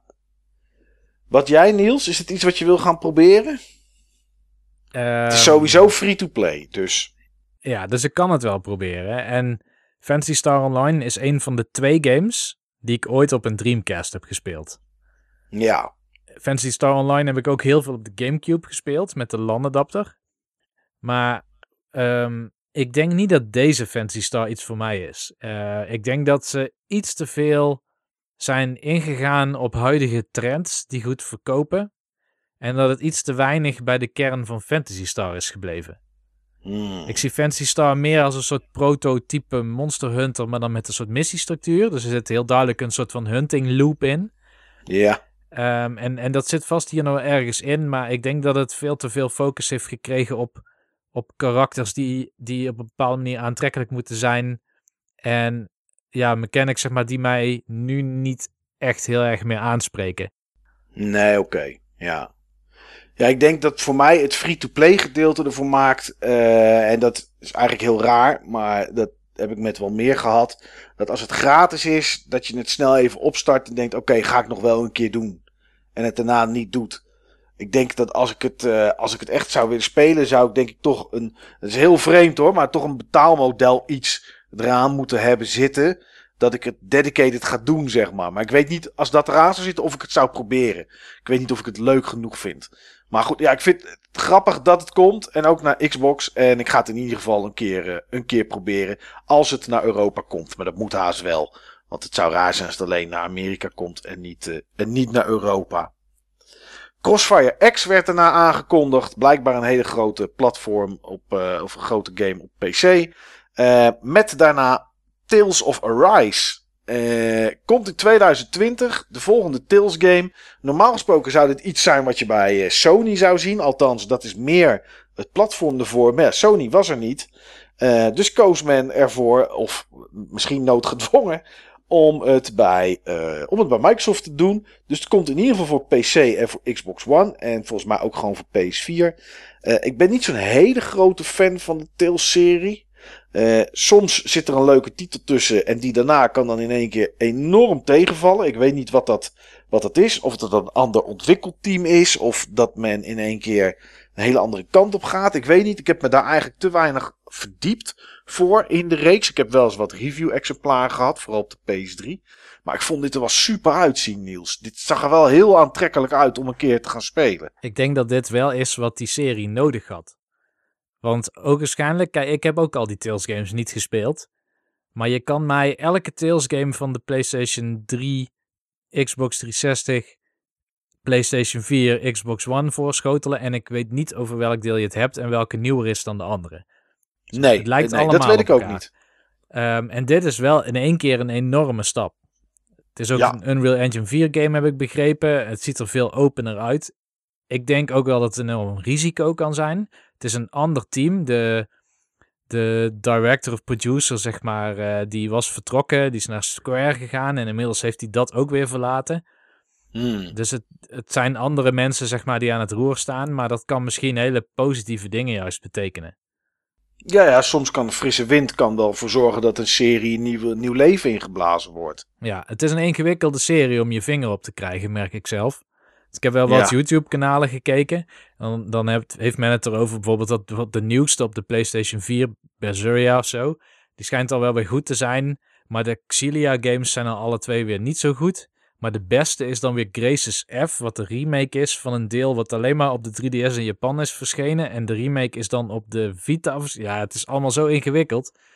Ja, Daar moet je gewoon echt een fan van zijn, van die serie. Om, ja, om te begrijpen, zeg maar, wat, hoe die games zich tot elkaar verhouden. Ja, ik vind het ook nooit. eh, je hebt wel eens marathons op, eh, op Twitch, bijvoorbeeld eh, met Final Fantasy erin of met Zelda en dat soort dingen. Ik vind de Tales-reeks ook nooit leuk om naar te kijken. Waarschijnlijk omdat ik ze. Nou, nee, hoeft niet eens te zijn omdat ik ze zelf niet gespeeld heb. Want er zijn genoeg games waar ik van kan genieten om er naar te kijken zonder dat ik ze zelf gespeeld heb. Maar het is, ja, ik weet niet. Op een of andere manier vind ik het niet, nooit zo aantrekkelijk, behalve dit deel. Ja. Dus ja, ik weet niet. Wat, wat denk jij daarvan, Steve? Eh, vond je het interessant? Zag er heel mooi uit. Ja. Dus ik eh, vond het een JRPG met echt eh, hele goede productiewaarde. En ja, ik, ik ben wel benieuwd. Ik, eh, ik heb hetzelfde. Ik heb eh, zoiets van, ze zijn niet altijd tof, die Tales games. Nee. Maar ik wil wel zien of dit tof wordt. Ja. Ja, er zat in ieder geval iets van gameplay in. Dat was wel prettig, omdat we natuurlijk heel veel trailers hadden gezien waar gewoon 0,0 gameplay in zat. Het was niet veel, maar er zat wel iets van het battlesysteem in. Ik zag in ieder geval hoop rollen en slaan, dus het zag er wel redelijk actief uit. Maar eh, ja, ik, eh, ik ben benieuwd. Ik ga het in ieder geval in de gaten houden. 2020, dus het is nog even weg. We zullen vast nog wel eh Tokyo Game Show of wat dan ook iets erover zien. En een volgende E3 ongetwijfeld. Borderlands 3, nou we het nu eigenlijk niet meer over te hebben. Hadden we het er net al even over, Steve. Dat er natuurlijk eh, DLC aankomt voor Borderlands 2. Om het gat te dichten tussen 2 en 3. En daarna was het Elden Ring. Niels, dit zou ons straatje moeten zijn. Het is From Software.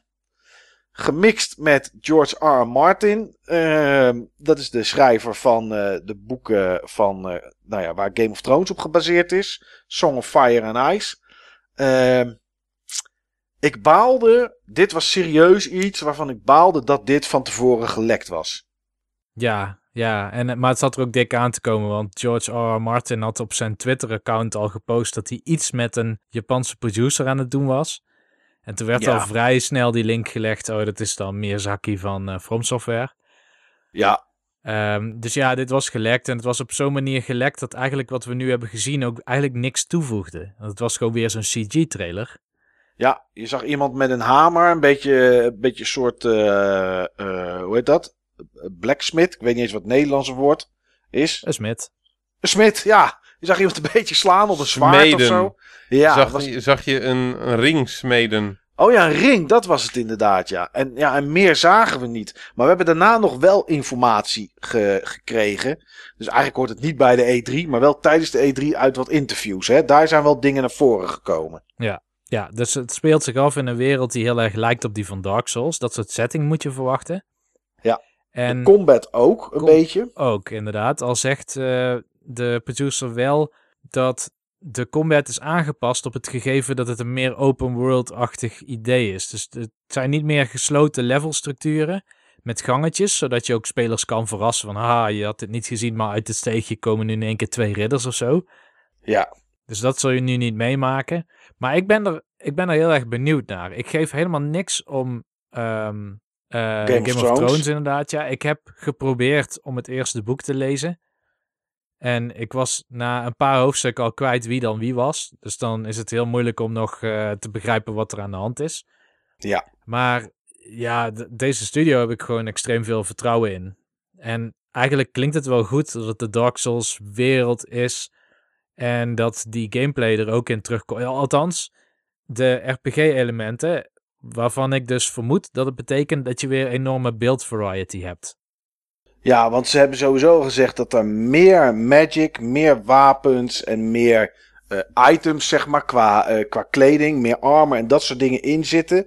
En dat je er ook een beetje mee aan kon gaan sleutelen, of later sleutelen waarschijnlijk door een blacksmith. Dus je kan wel echt een beeld maken van je personage. Dat, dat zit er in ieder geval in. Ja. En inderdaad meer open. Eh, er zitten grote boss battles zitten er weer in. Dat hebben ze al wel weer gezegd. Dus ja, ik, eh, na Sekiro moet ik zeggen dat ik wel erg veel zin heb in Elden Ring. Het, eh, maar goed, we weten nog niet wanneer het komt. Ehm, dus ja, dat moeten we voorlopig nog maar even, nog maar even afwachten. Drie dingetjes had Microsoft nog, waar het alle drie over, eh, die we alle drie in ieder geval even gaan bespreken. De eerste vond ik wel interessant, ehm, de Xbox X Cloud. Nou ja, goed, maar we weten allemaal dat Google, tenminste de meeste mensen zullen dat misschien weten en zo niet, dan eh, komt hier de info dat Google bezig is met Google Stadia. Eh, gamen op welke plek je maar wil, als er maar een browser aan zit. Dat is een beetje het idee. Ehm, je hebt daar wel de Stadia controller voor nodig. Voor één of twee knoppen die niet op andere controllers zit. Eh, nou ja, een abonnementje en dat soort gedoe allemaal. Ehm, maar in principe kan je elke browser die op je tv zit, die aan je Google Chromecast zit, op je telefoon, op je pc, eh, wat dan ook, kan je spelen. Nou, Microsoft komt met eh, een In eerste instantie nog niet, hè? In eerste instantie alleen je Chromecast. In eerste instantie alleen je Chromecast inderdaad, ja. Maar goed, dat is in ieder geval het uiteindelijke doel. Ehm, ja, Microsoft heeft eh, net zoveel, maar ik gok eigenlijk veel meer datacenters over de hele wereld. Met denk ik betere infrastructuur dan Google. Ehm, en veel meer kracht erachter zitten in, in al hun Azure, ehm, eh, Azure datacenters die over heel de wereld eh, staan. Ja, die gaan hetzelfde doen. Die gaan eh, games laten streamen via de xCloud. Eh, dat vond ik dan niet zo heel erg bijzonder. Maar wat ik er wel bijzonder aan vond, is dat jouw eigen Xbox thuis, jouw eigen persoonlijke xCloud server kan worden. Het kan vanaf oktober. Ze hebben voor de rest niet zo heel veel verteld. Dus ik ben benieuwd hoe het werkt. Als het werkt zoals ik denk dat het gaat werken, is dat je of een abonnement kan nemen uit de xCloud, waarschijnlijk je Game Pass. eh, en dat je die games dan straks naar een browser toe kan streamen, waar je met je controllertje achter zit. Of dat je elke game vanaf je eigen Xbox One kan gaan streamen die je hebt staan. Dus ook al zit het wel of niet in de Game Pass. Maar goed, dat is een pure aanname. Ik heb voor de rest nog niet veel info meer over gelezen daarna dan dit. Ehm, het is in ieder geval beschikbaar vanaf oktober. En ik ben wel benieuwd welke kant dit op gaat. Want het is. eh, PlayStation Now doet het natuurlijk al een tijdje. En heeft daarna optie toegevoegd dat je games toch kon downloaden. Eh, Google komt er nu aan. Microsoft komt er nu aan met xCloud. Ehm Bethesda heeft iets eh, aangekondigd met streamen. Dus ja, het is wel iets dat er nu echt aan zit te komen. Dus ja, ik ben erg benieuwd hoe het uitpakt en wat het gaat doen. Waar je het waarschijnlijk ook mee kan gaan doen, is Project Scarlet. En dat is, eh, ja, daar kwamen ze daarna mee. De volgende Xbox. Nog geen naam, eh, behalve Scarlet. Maar dat wisten we al. Want er zaten in de trailers die ze hadden, zaten RGB-codes verstopt. En als je die eh, RGB-codes achter elkaar zette, dan kreeg je de kleur Scarlet. Ehm, niet heel veel info, maar wel iets nieuws. Ja, ik eh, vind het wel apart dat ze net als bijvoorbeeld Nintendo met de Wii, die deden ook eerst zo'n teaser. En die vertellen ongeveer wat voor hardware je gaat krijgen, maar dan laten ze niks zien van software. Nee. Wat ze over hardware vertelden was heel interessant om te horen, want het was heel erg in lijn. Ze noemden exact dezelfde CPU en GPU als bijvoorbeeld die de PlayStation 5 volgens Sony zou gaan hebben. Ja. Alleen, ja, je kan natuurlijk die chipsets customizen en je kan meer transistors erop bijvoorbeeld. Of je kan zeggen, doe mij maar een kleinere productienode of ik gebruik meer stroom en dan kun je meer kracht uit zo'nzelfde chipset halen. Dus dat zegt niet dat allebei de consoles dezelfde performance hebben, maar ze gaan wel hetzelfde kunnen. Ehm, wat ik interessant vond, is een detail dat ze noemden, en dat is op internet al helemaal uitgeplozen wat het kan betekenen. Want de Sony eh, specs die ze hadden vrijgegeven, die zijn ingeschat op zo'n 14 teraflops aan performance. Tussen de Ja. 12 en de 14, geloof ik. Even ter eh, verhouding, de Xbox One X zit op 10, hè? Nee, nee, de Xbox One Op X is op toch? 6. Op 6. Op Ja. 6 inderdaad. Sorry, ja, klopt. Ja, ja. Ja, dus het is iets sneller dan twee keer een Xbox One X. En nou zei Microsoft tijdens hun conferentie dat de nieuwe Xbox, de Scarlet, vier keer zo snel zou zijn als de Xbox One X. Dus dat zou, als je dat gewoon heel koud als gegeven neemt, dan zeiden ze eigenlijk, verwacht maar 24 teraflops. Met andere woorden, 10 teraflops meer dan de PlayStation 5, maar dat geloof ik niet. Ik denk, Ik geloof ook niet van dat ze dat bedoelen in teraflops. nou ja, Ja, ik- krachtiger zeiden ze. Dus ja, hoe wil je dat dan aanduiden? Daar kun je heel fuzzy in zijn en dat is denk ik ook wat ze doen. Ik weet niet of dat überhaupt de specs al precies final zijn van beide consoles. Dus ik denk dat ze wat dat betreft ook nog niet te concreet willen zijn. Om nog vrij laat te kunnen reageren op elkaar. Maar ze gebruiken hetzelfde RAM, dezelfde CPU, dezelfde GPU. Ehm, ze zetten allebei in op SSD voor eh, snelle laadtijden. Ehm, wat ik me voor kan stellen is dat het verschil gaat zitten in extra features. Zoals die raytraced hardware componenten. Of die hardware raytracing componenten moet ik zeggen die zowel Sony als Microsoft heeft aangehaald. Ja. Ja, ik, ik, ehm, ik denk dat die 24 teraflops, dat dat, dat dat nooit gaat lukken. Nee, dat denk ik ook niet. Om, omdat als je kijkt naar een eh, Nvidia RTX 10, 2080 Ti. Dus de, de, de, volgens mij is dat de beste kaart die op dit moment door Nvidia gemaakt wordt. Die zit op ongeveer 14 teraflops. Ja. Dus als de grafische kaart, want met teraflops praten we over grafische kaart. Als we, ga, als we het hebben over de grafische kaart van de Xbox Scarlet, om het maar zo eventjes te noemen.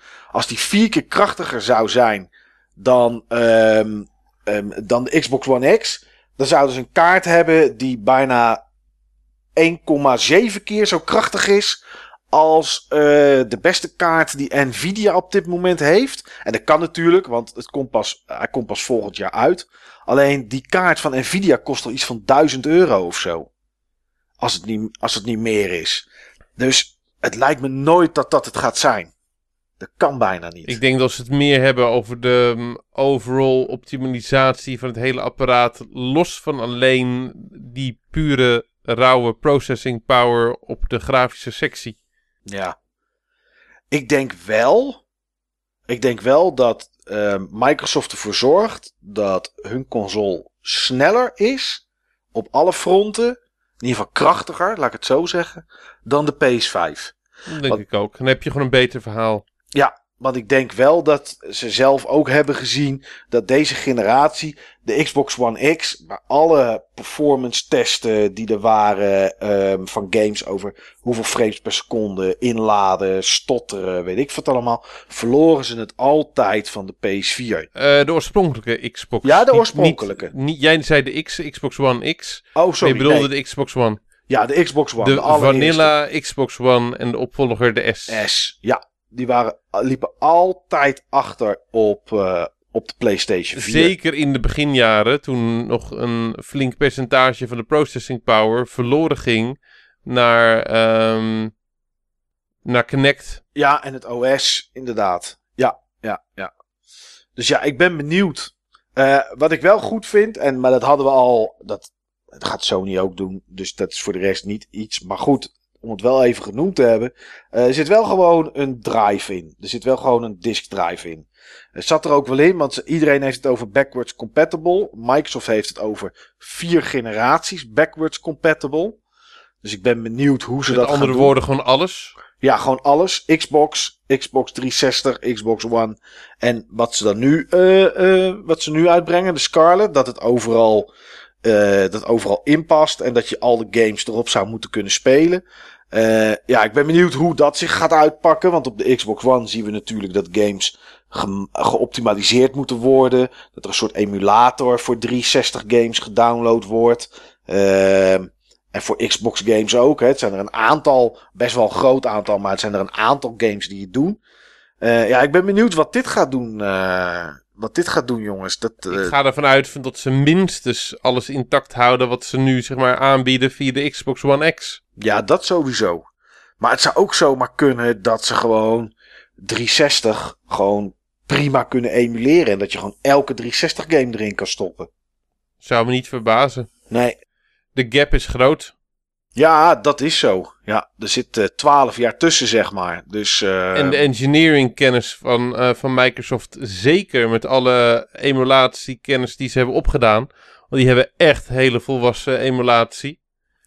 Die games worden echt gewoon... eh, dat wordt... eh, ze noemen het emulatie. Maar er zijn remasters die er minder goed uitzien, hè? Mhm, Zeker weten, ja, ja. Ja, je kan, er zijn 360 games die erin stopt, inderdaad. eh, die je gewoon zo kan spelen. Waarbij de ja, remasters, inderdaad, wat je zegt, Steve, er gewoon minder goed uitzien. Ja, dat hebben ze wel netjes voor elkaar. Ja, GDDR6 geheugen. Ja, goed, volgens mij is het het snelste wat er is. Maar ook daar hangt het weer vanaf hoe groot de bus is, zeg maar, naar het geheugen toe. Wordt dat 256 bit of wordt het 352? Ja, weet je, dat zijn dingen die weten we niet.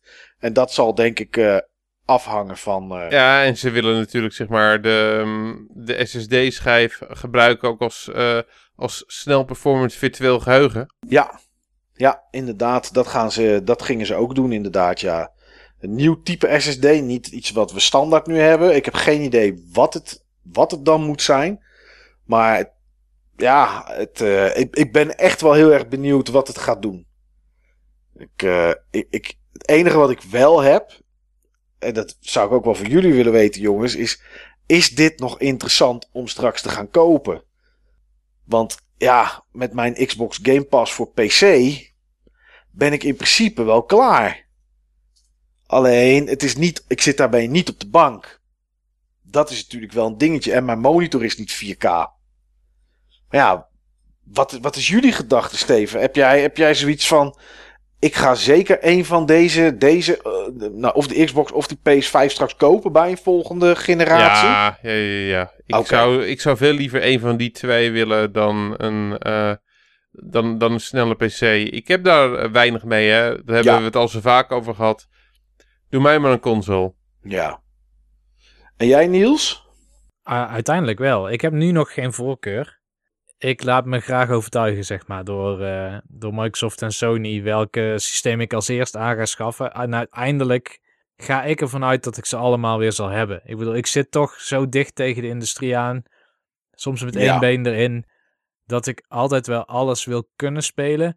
Wat wel is, ik heb wel hetzelfde als jij, dat met die Game Pass kan ik voorlopig heel goed vooruit. Mijn laptop is heel snel, mijn Alienware. Ik kan Ja. alles gewoon prima spelen tot nu toe. Kijk, als dat een probleem gaat worden en ik ga nooit, niet meer echt een krachtige laptop kopen, misschien ga ik dan inderdaad overstag voor toch zo'n Scarlett. Eh, Ja. Maar het kan zijn dat ik daar de hele tijd mee wacht en dat ik eerst een PlayStation 5 bijvoorbeeld koop. Ja, nou, dat, is, dat is wel de enige reden die ik op dit moment zou hebben om een eh, volgende generatie console te kopen. Kijk, ik weet ook wel dat op het moment dat die dingen een datum hebben en dat we de specs weten, gaat het toch jeuken. Dan ga ik toch een van de twee pre-orderen. Want ik, eh, zo werkt het nou eenmaal. Ehm, en uiteindelijk staan ze er inderdaad alle twee waarschijnlijk wel. Maar goed, omdat ik verwacht van de volgende generatie dat alle games die eh, multiplayer zijn, wel cross-platform worden. We kijken nu al naar Call of Duty dit jaar. Die kan je gewoon tegen op PC, PS4 en Xbox One allemaal tegen elkaar spelen. Maakt niet uit welke versie je hebt. Zit je met een controller, kom je bij de mensen met de controllers. Zit je met muis en toetsenbord, kom je bij die groep. Of je dat nou aan een Xbox hebt hangen of aan een PS4 of een PC, maakt allemaal niet uit. Ik verwacht dat alle games de volgende generatie dat gaan doen. Een Division 3 verwacht ik niet dat als mijn, mijn standaard speelgroepje een PS5 heeft, dat ik een PS5 moet hebben om met ze samen te spelen. Ik denk dat dat dan ook echt wel met een, met een Xbox Scarlet gaat, gaat lukken. Dat verwacht ik wel. Alleen, eh, ja, zodra mijn PC inderdaad het niet meer zou trekken om die games op high of hoger te spelen. Ja, dan denk ik dat ik wel naar een van de twee eh, ga kijken, inderdaad. Ja, Maar ja, goed. PC-gamers zijn altijd wel goed af, hè? want die kunnen sowieso bijna al die Xbox first-party games spelen. Ja. En eh, heel veel PlayStation 4 exclusives verschijnen ook in één keer in Steam en de Epic Store.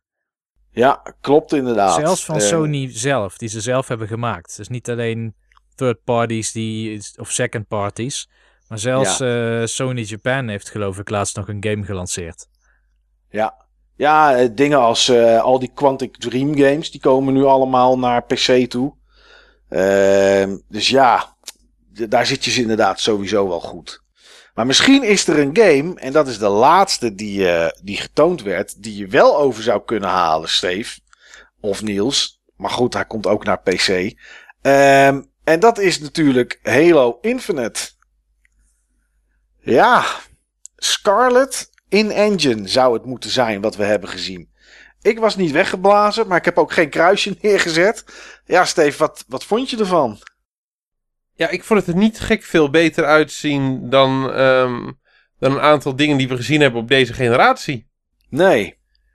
Maar ik kan ook niet goed de schaal van, eh, van alles zien, hè? Kijk, hoe, hoe, dingen, als de, hè? hoe dingen als de lichteffecten zijn, dat, dat weet ik niet. Ik heb nog geen gevoel voor, ehm, voor die moderne raytracing technieken. Mhm. Dat kan Niels waarschijnlijk beter aangeven dan ik. Van wat, wat daar wellicht in zit eh, in hetgeen wat we gezien hebben. Ja, het, het, het zag er gewoon goed uit, maar eh, die, die in-engine cutscenes van eh, Cyberpunk, Ja, die- zien er voor mij ook goed uit. die zien er voor mij beter uit dan wat ik zag Voor van mij Halo. ook. Ja, voor ja. mij ook. Halo had niet hele geavanceerde belichtingseffecten dat ik persoonlijk kon zien hoor. Want meestal zou je dat dan wel zien aan bijvoorbeeld indirecte lichtbouncing. Maar dan zouden ze zeker wel die game zo hebben gemaakt dat je dat extreem goed ziet. Dat die de engine dat ondersteunt. Eh, dan zou je bijvoorbeeld, ik noem maar wat, als je raytracing zou hebben. Dan zou je allerlei eh, dingen die eigenlijk buiten de camera vallen, dus die je niet ziet, wel weer spiegeld zien worden in de omgeving. ja. En dat zag je niet. Eh, je zag ook vrij donkere schaduwen. Dat betekent eigenlijk dat licht dat via een lamp tegen een muur en misschien via de grond dan alsnog tegen een karakter aanbotst of zo. Dat die in ieder geval eh, wat kleur van de muur of van de grond mee projecteert op de huid. Dat zag ik ook niet, of op de helm. Dus eh, het zit er vast in. Zeg maar. Ik kan haast niet geloven dat het er niet in zit, zit. Maar dit was niet de showcase voor dat soort technologie. Nee. Nee. Ik vond sowieso, ik vind het sowieso lastig. Ehm, we komen langzaam op het tijdperk dat ehm, dingen als Twitch en Mixer en YouTube, waar dit op uitgezonden werd, niet meer kunnen laten, de pracht en praal kunnen laten zien van wat die apparaten kunnen. Ehm, we hadden het er net niet over, maar Project Scarlet, de, de, de Xbox Scarlet, die kan straks resoluties aan van 8K. En kan 120 frames per seconde aan. Ik weet niet of ze gemixt zijn. Of het 8K met 120 frames per seconde is of niet.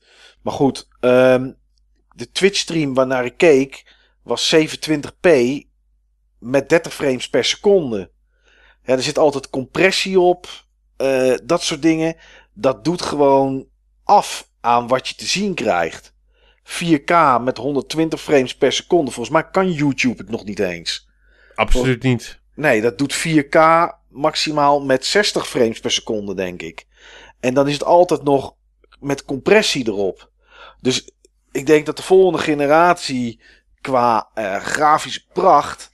Kijk, eh, met die indirect lightning en zo, waar jij het over hebt, eh, Niels. En, en, en die, die RTX-technologie met die schaduwen en dat soort spul. Dat kan je natuurlijk laten zien aan het publiek. vooral door te laten zien wat het toevoegt als je het wel of niet hebt. Want ik denk dat heel veel mensen daar minder op letten. Als je die demo's bekijkt van Shadow of the Tomb Raider was de laatste. Hè? Ja, Rise was de tweede. Ja, Shadow of Tomb Raider. Als je kijkt, daar, hè, daar heb je demo's van Nvidia waar ze laten zien van oké, het staat hier uit. Dan heb je gewoon een hele harde schaduw op de grond. En als het aanzet, dan wordt het soft en wordt, het, wordt je schaduw langer en, en dat soort dingen allemaal. Ja, dat is allemaal super mooi. Maar in zo'n trailer die misschien anderhalve minuut duurt, daar kijk je daar toch minder naar. Dus ik denk dat ze wel heel erg moeten laten zien wat die verschillen zijn. Of wat ze, wat ze kunnen zijn. Eh, omdat de rest heel moeilijk wordt om dat thuis over te brengen, denk ik.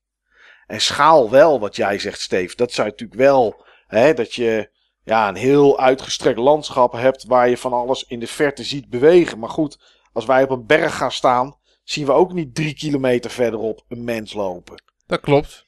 En ja, dan kan het wel zijn dat een mens dat doet eh, in die game. Maar ja, we zien het toch niet. Dus ja, ik denk dat dat wel een lastig is hoor. Dat dat, dat, dat moeilijk wordt om, eh, om ons te laten zien. Ja, goed. Ehm, wat vond je over het algemeen, eh Steve, van de Microsoft persconferentie? Goed. Ja, Ik heb het gevoel dat ik er vorig jaar meer van onder de indruk was.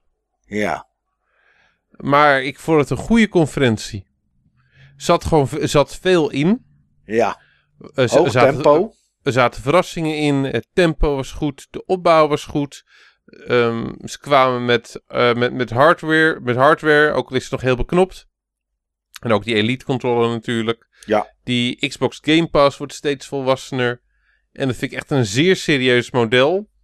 Ja, dat is Alleen het ook. als ik, als ik dan gewoon kijk naar de games die ik echt tof vond.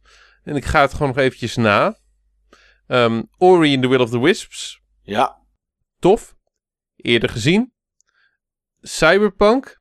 Ja. Eerder gezien. Maar niet op deze manier. mhm. Nu werd het dan wat concreter. Ook gameplay. Ehm, ja. dan droogt het al snel op, hè? Je vergeet Dan Microsoft droogt- Flight Simulator. Dan droogt het al snel op. Ja. Ja, dus dat, dat vind ik wel een ding. hoe, eh, hoe, eh, hoe vond jij hem, Niels? Ik had er meer van verwacht. Ja, ik ook. Ik had ehm, verwacht dat bijvoorbeeld Capcom ook alweer iets zou tonen. Er zijn een aantal usual suspects die misschien normaal niet direct bij de Microsoft-conferentie zouden zijn, maar die dit wel zouden kiezen als podium als Sony niet zou komen.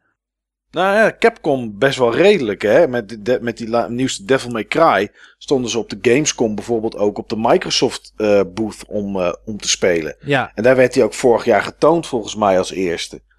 Dus dat is wel een naam die, die toch wel een beetje naar Microsoft trekt vaak. volgens mij had Microsoft ook de, de marketing rights voor die game. Ja, Eh, maar ja, zo, zo had ik nog wel wat meer voorbeelden dat ik dacht, ik, ah, ik had eigenlijk verwacht die games hier te zien. Ik vond het wel een goede conferentie. Ik ben blij dat die niet twee uur duurde. ja, Ehm, ik denk wel dat wat ik jammer vind bij deze, en ik snap wat, wat Steve zei. Die vorige conferentie, die van vorig jaar, dat was een conferentie en die was echt bedoeld voor de hype, zeg maar. Dus de manier waarop Cyberpunk op het eind werd geïntroduceerd, met dat Ja. het leek alsof het afgelopen was en toen vielen alle lichten uit en toen was het systeem zogenaamd gehackt. Was heel goed gedaan, heel goed gechoreografeerd. Eh, er zaten meer van dat soort aankondigingen in die je echt niet verwachtte. Sekiro, Front Software, eh, getoond op een Microsoft-conferentie, was natuurlijk heel ongewoon om Ja. dat bij hun te zien. En Devil May Cry ook. En dat soort dingen hadden we nu niet. Het waren wat bekendere games. Maar dan wat mij dan eigenlijk het meest tegenviel aan de presentatie, is dat ik echt weinig gameplay heb gezien. ja. Heel weinig. Kijk, wa- wat je voor, eigenlijk was vorig jaar het begin van een grote koerswijziging. Ja, Dat was eigenlijk, eh, het was eigenlijk het eerste grote waypoint in een lange reis. En een heel duidelijk en sterk waypoint. Ja. Het volgende waypoint staat voor volgend jaar. Wanneer die, eh, wanneer die nieuwe hardware eh, concreet gaat worden. En wanneer alle games die gekoppeld zijn aan die hardware getoond kunnen worden. Met, ehm, met, met, met, met, name gameplay. En eigenlijk, is- eigenlijk is dit een tussenjaar. ja. Nee, ik vond het ook een standaard presentatie. Het was eigenlijk een beetje, beetje de opzet en de presentatie zoals vorig jaar. Alleen met ook best nog wel wat eh, games die we vorig jaar eh, hebben gezien. Eh, Ori, eh, hoe heet het? Eh, Gears, eh, dat soort dingen allemaal. Eh, weer een studio overgenomen. Eh, dus het was weinig super bijzonders. Het was eigenlijk alles wat je verwacht dat erin zou zitten. Geen verrassingen, maar gewoon ja, stabiel. Eh, maar geen hele slechte presentatie. Het was voor de rest was het eigenlijk, ja, was het eigenlijk best wel, best wel oké. Ik denk dat het tijd wordt voor even een kleine break. Dat we even de benen kunnen strekken.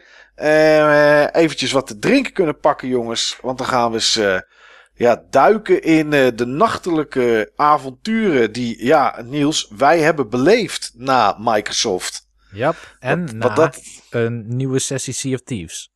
precies, ja, want dat hebben we inderdaad daarna nog even gedaan. Terwijl we toen zeiden, we hebben eigenlijk helemaal niks nieuws gezien voor Sea of Thieves. Want die zat niet in de Microsoft persconferentie. Dat is waar, dat is waar. Eh, Dat vond ik heel erg jammer trouwens. Ik had Ik er echt gehoopt, omdat we waren die game aan het spelen. allebei zeiden we, wauw, dit is echt een stuk beter dan vorig jaar. Ze hebben echt veel gedaan om die game veel speelser te maken, om meer doelmatigheid zeg maar in te bouwen. Meer leven. Meer leven. Ja. Ehm, maar eh, ja, waar is dan de volgende grote vernieuwing? Dat was echt een vraag die bij mij leefde nadat die conferentie was geweest. Ja, ja, ja. En het enige wat we gezien hebben is dat er een nieuw schip komt eh, met Gears of War logo. En dat is eigenlijk het enige dat we gezien hebben Ja. aan, eh aan Maar het eh, was wel of Thieves. Dankzij Sea of Thieves dat we überhaupt aan de volgende conferentie waren begonnen. Want het was Precies. door een collega van mij. Iedereen zei van ja, wat gaan jullie doen? Gaan jullie nog kijken? Nou ja, nee, ik denk dat ik ga slapen. Ik heb er niet zo heel veel zin in. Toen zei één collega, nou, we kunnen ook Sea of doen. Ja, we kunnen iets doen om de tijd naar Bethesda, die s'nachts om half drie begon, te overbruggen. Ja, en aangezien het toch eh, tweede Pinksterdag was, zeg maar, hebben we dat, eh, hebben we dat gedaan. En toen zijn we, zijn we opgebleven en hebben we Bethesda gekeken. En wat we daarvan vinden, dat horen jullie na deze break.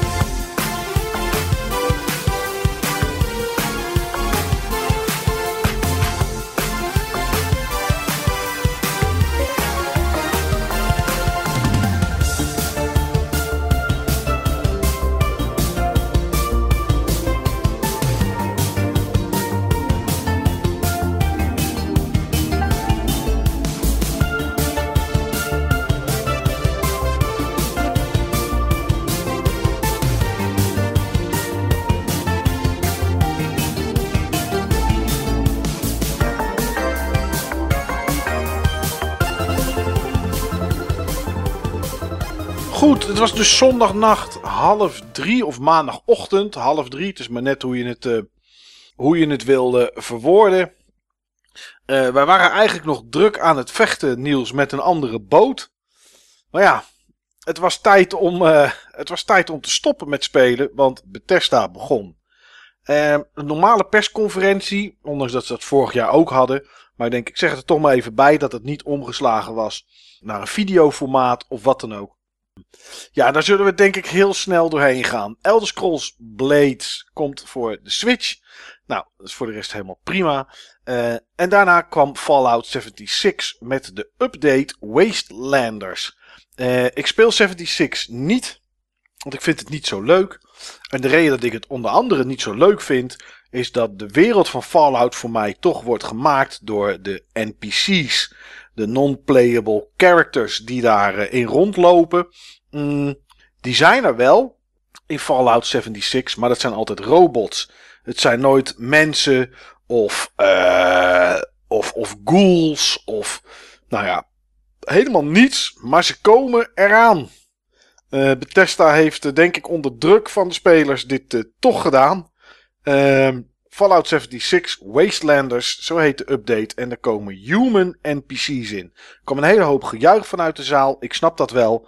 Eh, wie weet als ze over een jaar nog een keer van alles toevoegen. Dat ik het dan een keer ga proberen. Wat ze voor mij niet hoeven toe te voegen. En wat ze wel gedaan hebben. Is dat er een 52 speler Battle Royale naar Fallout 76 komt. Ehm, volgens mij is het de enige Battle Royale, bedenk ik me nu in één keer, die ik deze E3 heb zien aangekondigd worden. Ehm, het was er voor mij eigenlijk één te veel. Maar goed, het komt in ieder geval. Ghostwire Tokyo. Jij zei trouwens, eh, er werden verschillende dingen rond Fallout 76 met gejuich aangekondigd. Ja, ontvangen. Maar o- ontvangen inderdaad, ja. Maar dat gold eigenlijk voor heel veel dingen binnen die, ehm, binnen die conferentie. Ehm, het was wel duidelijk dat er op de eerste rijen heel veel plans zaten. Ja. Ja, dat was bij elke persconferentie. Bij EA was het zo. eh, bij Microsoft. Ik zag jou nog iets appen, Steve. Van mensen die opstaan in het publiek en dan een kruis gaan maken met hun armen. Dat was echt heel triest. Ja, zo van Xbox. Ja, dat is wel heel sneu. Eh, vorig jaar of zo, of begin dit jaar, heb ik een keer zo'n Microsoft persding gezien. Uit Mexico kwam dat volgens mij. Waar ze dan Age of Empires 4 gingen aankondigen. En daar stond ook echt het meest beroerde, uitbundige klapvee vooraan elke keer. Die bijna flauw vielen als ze iets aankondigden. Eh, ja, is een beetje verschrikkelijk. Ik snap niet waarom ze dat doen. Maar goed. Ghostwire Tokyo. Ehm, game die daarna getoond werd. Het is dezelfde producent of producer of director als van The Evil Within. Ik weet zijn naam niet, maar jij bent altijd heel goed in dat soort namen, Niels. Is dat niet Shinji Mikami? Dat is hij inderdaad. Als ik het hoor, weet ik het altijd wel.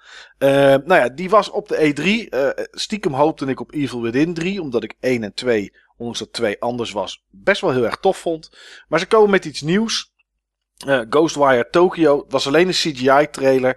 Ze hebben niet heel veel gezien. Het is in ieder geval action-adventure met weer paranormale verschijnselen en supernatural evil. Dus ja, bovennatuurlijk kwaad. Eh, het zag er een beetje vaag uit.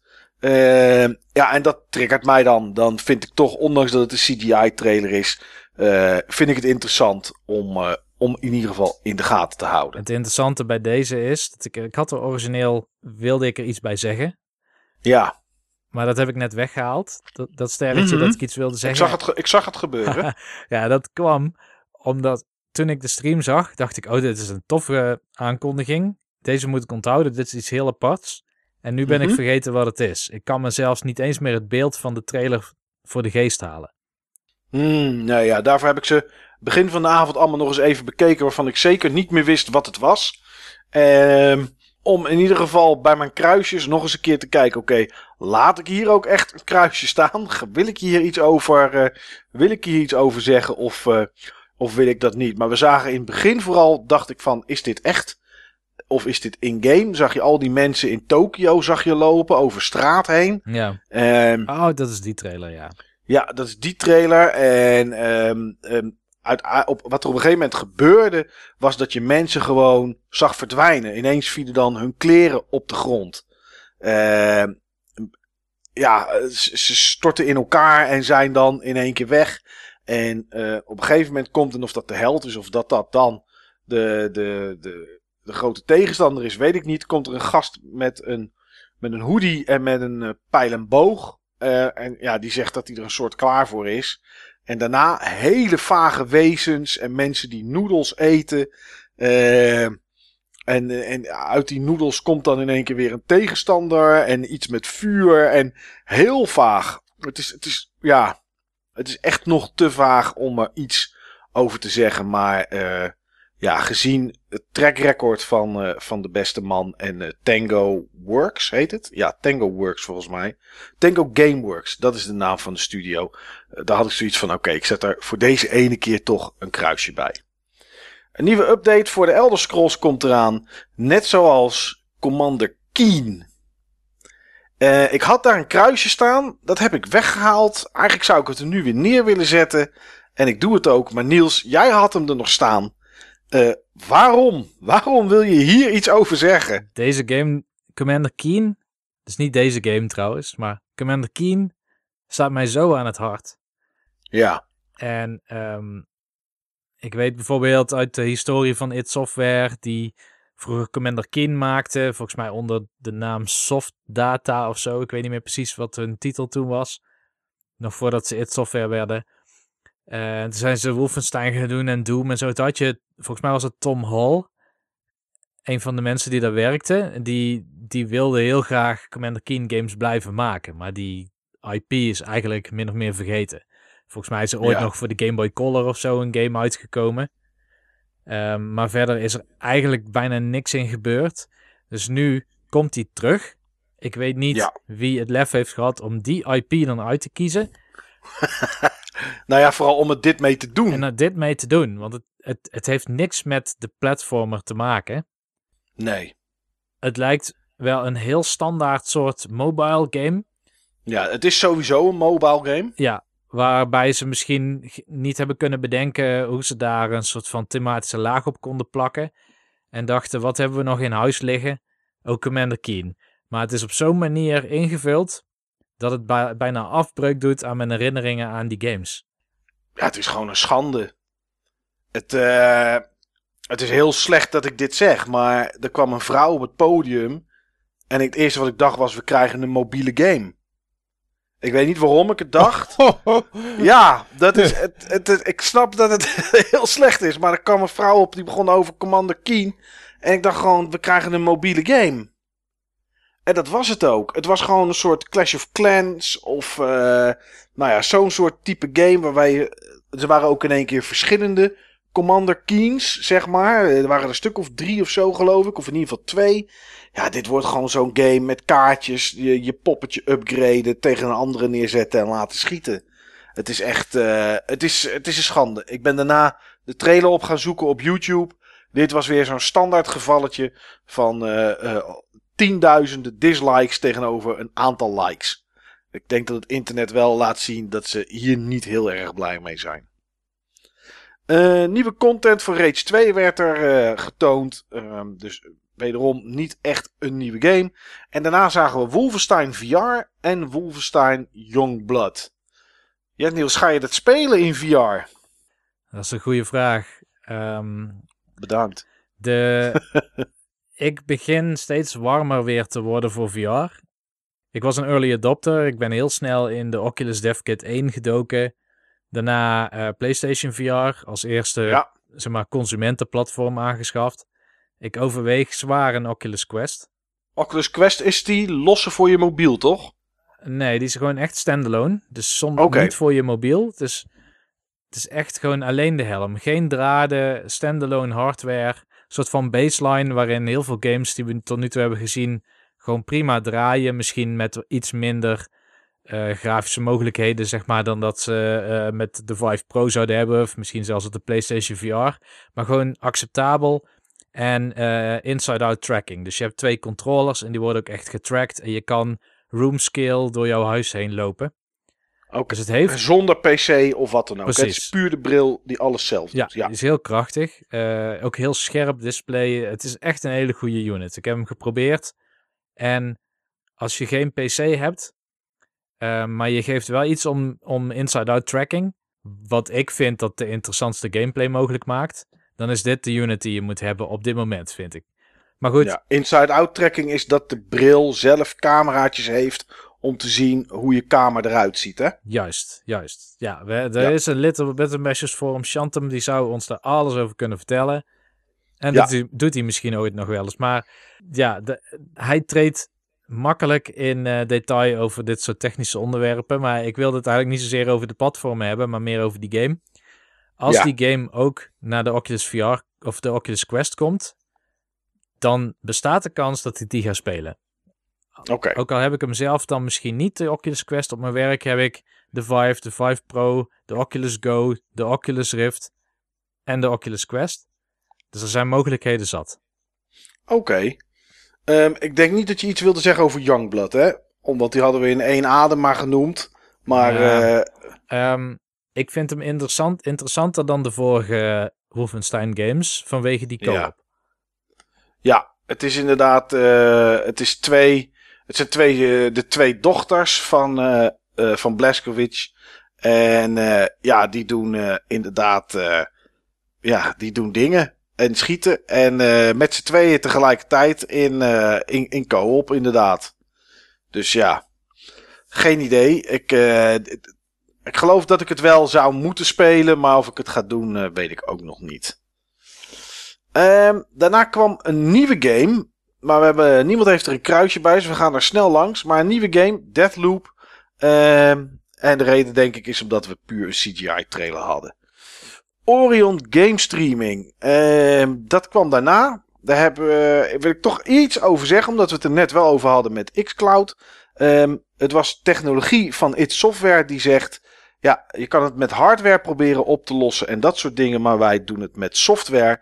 En deze software die uh, moet voor minder input lag zorgen en werkt ook voor Xbox, uh, xCloud en voor Stadia. Dus ik ben erg benieuwd wat dat toe gaat voegen aan, uh, ja, aan die platformen zodra het uh, allemaal uitkomt. Ik wil trouwens nog één ding zeggen over xCloud.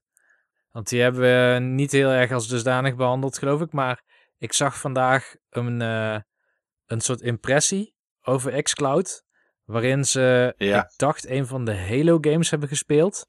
En Mhm. de extra latency ten opzichte van gewoon het cd'tje in jouw console doen, was maar 4 milliseconden. Nou, dat is wel heel waar. Ja, dat is wel iets dat je denkt van oké, als het op die manier gaat werken, dan heeft het zeker toekomst. Ja. Ja. Eh, tot slot, want het was eh, geen hele lange persconferentie en er zat niet heel veel bijzonders in. Doom Eternal. 21 november eh, komt een nieuwe battle mode in. Die hebben ze aangekondigd. Twee demons, dus spelers kunnen als demon gaan spelen. Tegen een andere speler die dan de Doomslayer is, of de Demon Slayer is. Eh, op zich grappig, al, al he- heb ik liever dat ze alle effort steken in de singleplayer en iets minder in de, in de multiplayer. Want dat is toch waar, eh, waar deze game voor mij in ieder geval het, moet op, het op voor moet doen, waar het op moet winnen. Maar Niels, ik heb enorm veel zin om door die levels te slingeren. Ja, zeker. Eh, ik heb zin eigenlijk zelfs om de Doom uit 2016 opnieuw te spelen. Voordat deze Ja. uitkomt. Dan misschien op een hoge moeilijkheidsgraad of zo. Want het is vrij kort, de game. Ik geloof dat die in een uur of tien wel uit te spelen is. Maar ja, als je een beetje weet hoe de, hoe de bazen die je tegenkomt, hoe je die moet behandelen, zeg maar, dan is Ja. dat zeker te doen. Ik heb begin van dit jaar gedaan. Ik denk dat ik er een uurtje of twaalf over gedaan heb of zo, inderdaad. Ja, ja. ja, voor mij is het nog steeds gewoon het voorbeeld van een reimagination, zullen we maar zeggen. Ja, Eh, een reboot noemden we het in onze reboot-aflevering. Ja. Eh, Deze, dit deel heb ik ook onwijs veel zin in. Eh, ik vond het jammer dat ze niet zoveel hebben laten zien van wat ik de interessantste toevoeging vind. En dat is die extra mobiliteit door die soort van hookshot-achtige mechanic, zeg maar. Dat je jezelf kan optrekken aan bijvoorbeeld vliegende vijanden en daardoor door de lucht heen kan schieten. Dat vind ik het mooist. Ik vind dat parcours en dan ergens van een heel hoog gebouw afspringen, schietend naar beneden met een Gatling gun, recht midden tussen de demons en zo. Dat is voor mij wat ik zo cool vind aan eh, Doom 2016. En dat wil ik meer doen hier. En ze lieten eigenlijk andere dingen zien. Bijvoorbeeld die multiplayer mode, die ik niet eens ga proberen waarschijnlijk. Daar heb ik totaal geen interesse in. nee. Maar die Nee, singleplayer ja. wel, ja. Ja, ja, ja. Nou ja, daarvoor zei ik ook dat ik zin had om door de levels te slingeren. Want dat gevoel kreeg je zeg maar echt bij de vorige beelden die we zagen. En eh, nou ja, we, ze hebben in ieder geval QuakeCon dit jaar omgedoopt naar DoomCon, volgens mij. Ehm, dat is volgens mij altijd ergens in augustus. Dus daar zullen we nog wel meer te zien krijgen. Maar in ieder geval is het 21 november dat die, eh, dat die uitkomt. Eh, ja, de Bethesda eh Game Show, of hoe ze het tegenwoordig noemen. Dat ding heeft elk jaar een andere naam. Was voor mij in ieder geval een betere show met opzet dan voorheen. Vorig jaar hadden ze zo'n heel raar rondpodium. Waar de ene kant tegen schermen en een rug aan zat te kijken. En de andere kant keek iemand recht in het gezicht. Geen bands die voor de rest eigenlijk niks toevoegen. Ehm, en ja, over het algemeen vrij matig. Er waren twee nieuwe games. En voor de rest was het eigenlijk ondersteuning voor wat er al is. Eh Commander Keen is ook nieuw, maar dat reken ik echt niet mee. Dus eigenlijk alleen eh, eh, Ghostwire Tokyo en Deathloop die dan, die dan echt nieuw waren. Maar ja, een aardige persconferentie, Niels. Zo zou ik het willen omschrijven. Wat jij? Ja, ik hetzelfde. Ik vind het niet een van de betere conferenties van dit jaar, maar in ieder geval zat Doom erin, waar ik heel erg naar uitkijk. Ik vind het denk Ja. ik goed dat ze toch nog proberen om van Fallout 76 iets te maken. Ja. En volgens mij hebben ze ook redelijk de zeilen bijgesteld. Tenminste, eh, de laatste berichten over mensen die de Fallout 76 speelden waren redelijk positief over hoe het er nu voor staat. Het is niet meer zoals helemaal in het begin. Dus het is goed dat ze daarmee bezig blijven. Maar er zat ook zoveel in waar ik helemaal niks om gaf. Zoals die, eh, die Elder Scrolls Blades bijvoorbeeld. Ja, Eh, en, eh en Elder. Scrolls Online, Ja, ja, ja. Nieuwe, nieuwe ding, ja. Elder Scrolls Online is echt een prima MMO. Als je ooit een MMO zou moeten spelen, zou ik die aanraden. Ehm, op dit moment, maar ja, nee. Eh Devolver kwam daarna geloof ik nog, hè? Ja, die kwam volgens mij midden in de nacht. Ja, die kwam geloof ik om vier uur s'nachts. Eh nou, ik denk dat we daar heel snel doorheen kunnen. Steve, jij hebt het niet gekeken, snap ik. Eh Ja, ik heb net heel eventjes snel door de heen zitten skippen. Ja, nou, ik, Maar, ik, ja. ik kan het niet eens kijken. Ik vind het tenenkrommend slecht. Maar ik heb wel de trailers gekeken. Het is een beetje hun stijl, hè? Ja, Ja. het is... Dat was vorig jaar ook zo. Maar wat... En het jaar daarvoor ook. Het, ze doen het elk jaar. Ja. Wel steeds met dezelfde mensen, dat is dan wel grappig. ja, ik vind die vrouw gewoon tof. En ehm, dat ze de Nintendo Direct zo duidelijk hebben geript... dat ze het ook de Devolver Direct noemen. Ja, Met dezelfde soorten effecten en overlays erbij. stilo's en zo. Ja, Ja, ja, dat ja. was het enige wat wel grappig was. Ja, Ja, goed. Laten we er even snel doorheen gaan. Fall Guys. Niels, daar wilde jij iets over ja, zeggen. maar ik ben het vergeten. Dus we gaan door. Mooi. Eh Devolver Bootleg werd daarna getoond. 8 in 1 games ding. Eh, Carry On. Daar heb ik wel een, ehm, daar heb ik wel een kruisje bij. Omdat ik het puur even wilde, wilde zeggen. Ik vond het tof uitzien. Eh, jij hebt ook een kruisje staan, Niels. Mhm. Ehm, ja, het is wat anders. Het is een horror. Het is een reverse horror game, zo noemen ze het. Want jij bent in dit geval het monster. Een soort groot rood monster. Met tentakels eraan of zo. Of slierten of weet ik veel wat. Eh, en ja, en je moet blijkbaar mensen opeten. Ik vond het wel interessant. Ja, het zag er ook gruwelijk bruut uit. Ja, Het, ehm, ik vind het wel leuk dat die rol is omgedraaid. Maar ook de lompheid waarmee dat je als monster zeg maar, door die omgeving beweegt en alles verslindt zeg maar, wat op je pad komt. Dat ja. zag er wel heel tof uit. Maar ik weet niet of het echt leuk straks blijkt om te spelen. Maar Nee. het heeft heel, heel veel potentie, denk ik. Ja, ja, zeker. Dit is dan wel iets eh, dat ik denk van, oké, nou, weet je, tegen de tijd dat dit uitkomt, stop het maar in de, stop het maar in de Xbox Game Pass. Dan, eh, dan, wil ik het, eh, dan wil ik het wel een, keertje, wel een keertje proberen. Maar goed, het duurt nog even, want het komt tot nu toe 1 juni 2020 komt het uit. Dus dat is nog wel eh, een, heel, eh, een heel eind weg. Daarna kwam eh, Enter the Gungeon House of the Gundead. Eh enige reden waarom ik dat even wilde noemen was omdat ik het wel grappig vond dat het een soort indie arcade kast is. Want het is een arcade, arcade kast, het is een light gun game. Maar ik dacht eerst het is gewoon een grapje of zo of wat dan ook. Maar het schijnt echt te komen. Een echte arcade kast. Eh, ja, Enter, Enter the Gungeon House of the Gundead. Daarna zagen Dat we is wel serieus stof. ja, dat is wel tof. Ja, ja. Ehm, daarna kwam de Messenger Picnic Panic uitbreiding. En men sloot af met My Friend Pedro, die op 20 juni uitkomt. Zag er tof, het zag er tof uit, my friend Pedro. My Friend Pedro, ja, die zagen we vorig jaar, eh, hadden ze die eh, aangekondigd. Het ziet er ook tof uit. Ik, ik weet niet of het ook heel lang leuk is om te spelen. Maar het is een soort acrobatiek met schieten. En ja, je kan ook iemand zijn hoofd eraf trappen. En die dan tegen een tegenstander aantrappen. Allemaal van dat soort eh, grappen zitten erin. Maar op, zich, ja, op zich is het wel, is het wel aardig. Dus eigenlijk zeg maar die bullet time mechanic van Max Payne. Stel je, Ja. stel je zou de hele game zo maken, maar dan super acrobatisch met salto's en twee machinegeweren waarbij je ondertussen aan het schieten bent in bullet time. Zoiets komt het op me over. Ja, ja, dat is inderdaad een beetje waar het wel op lijkt. Ja, ja.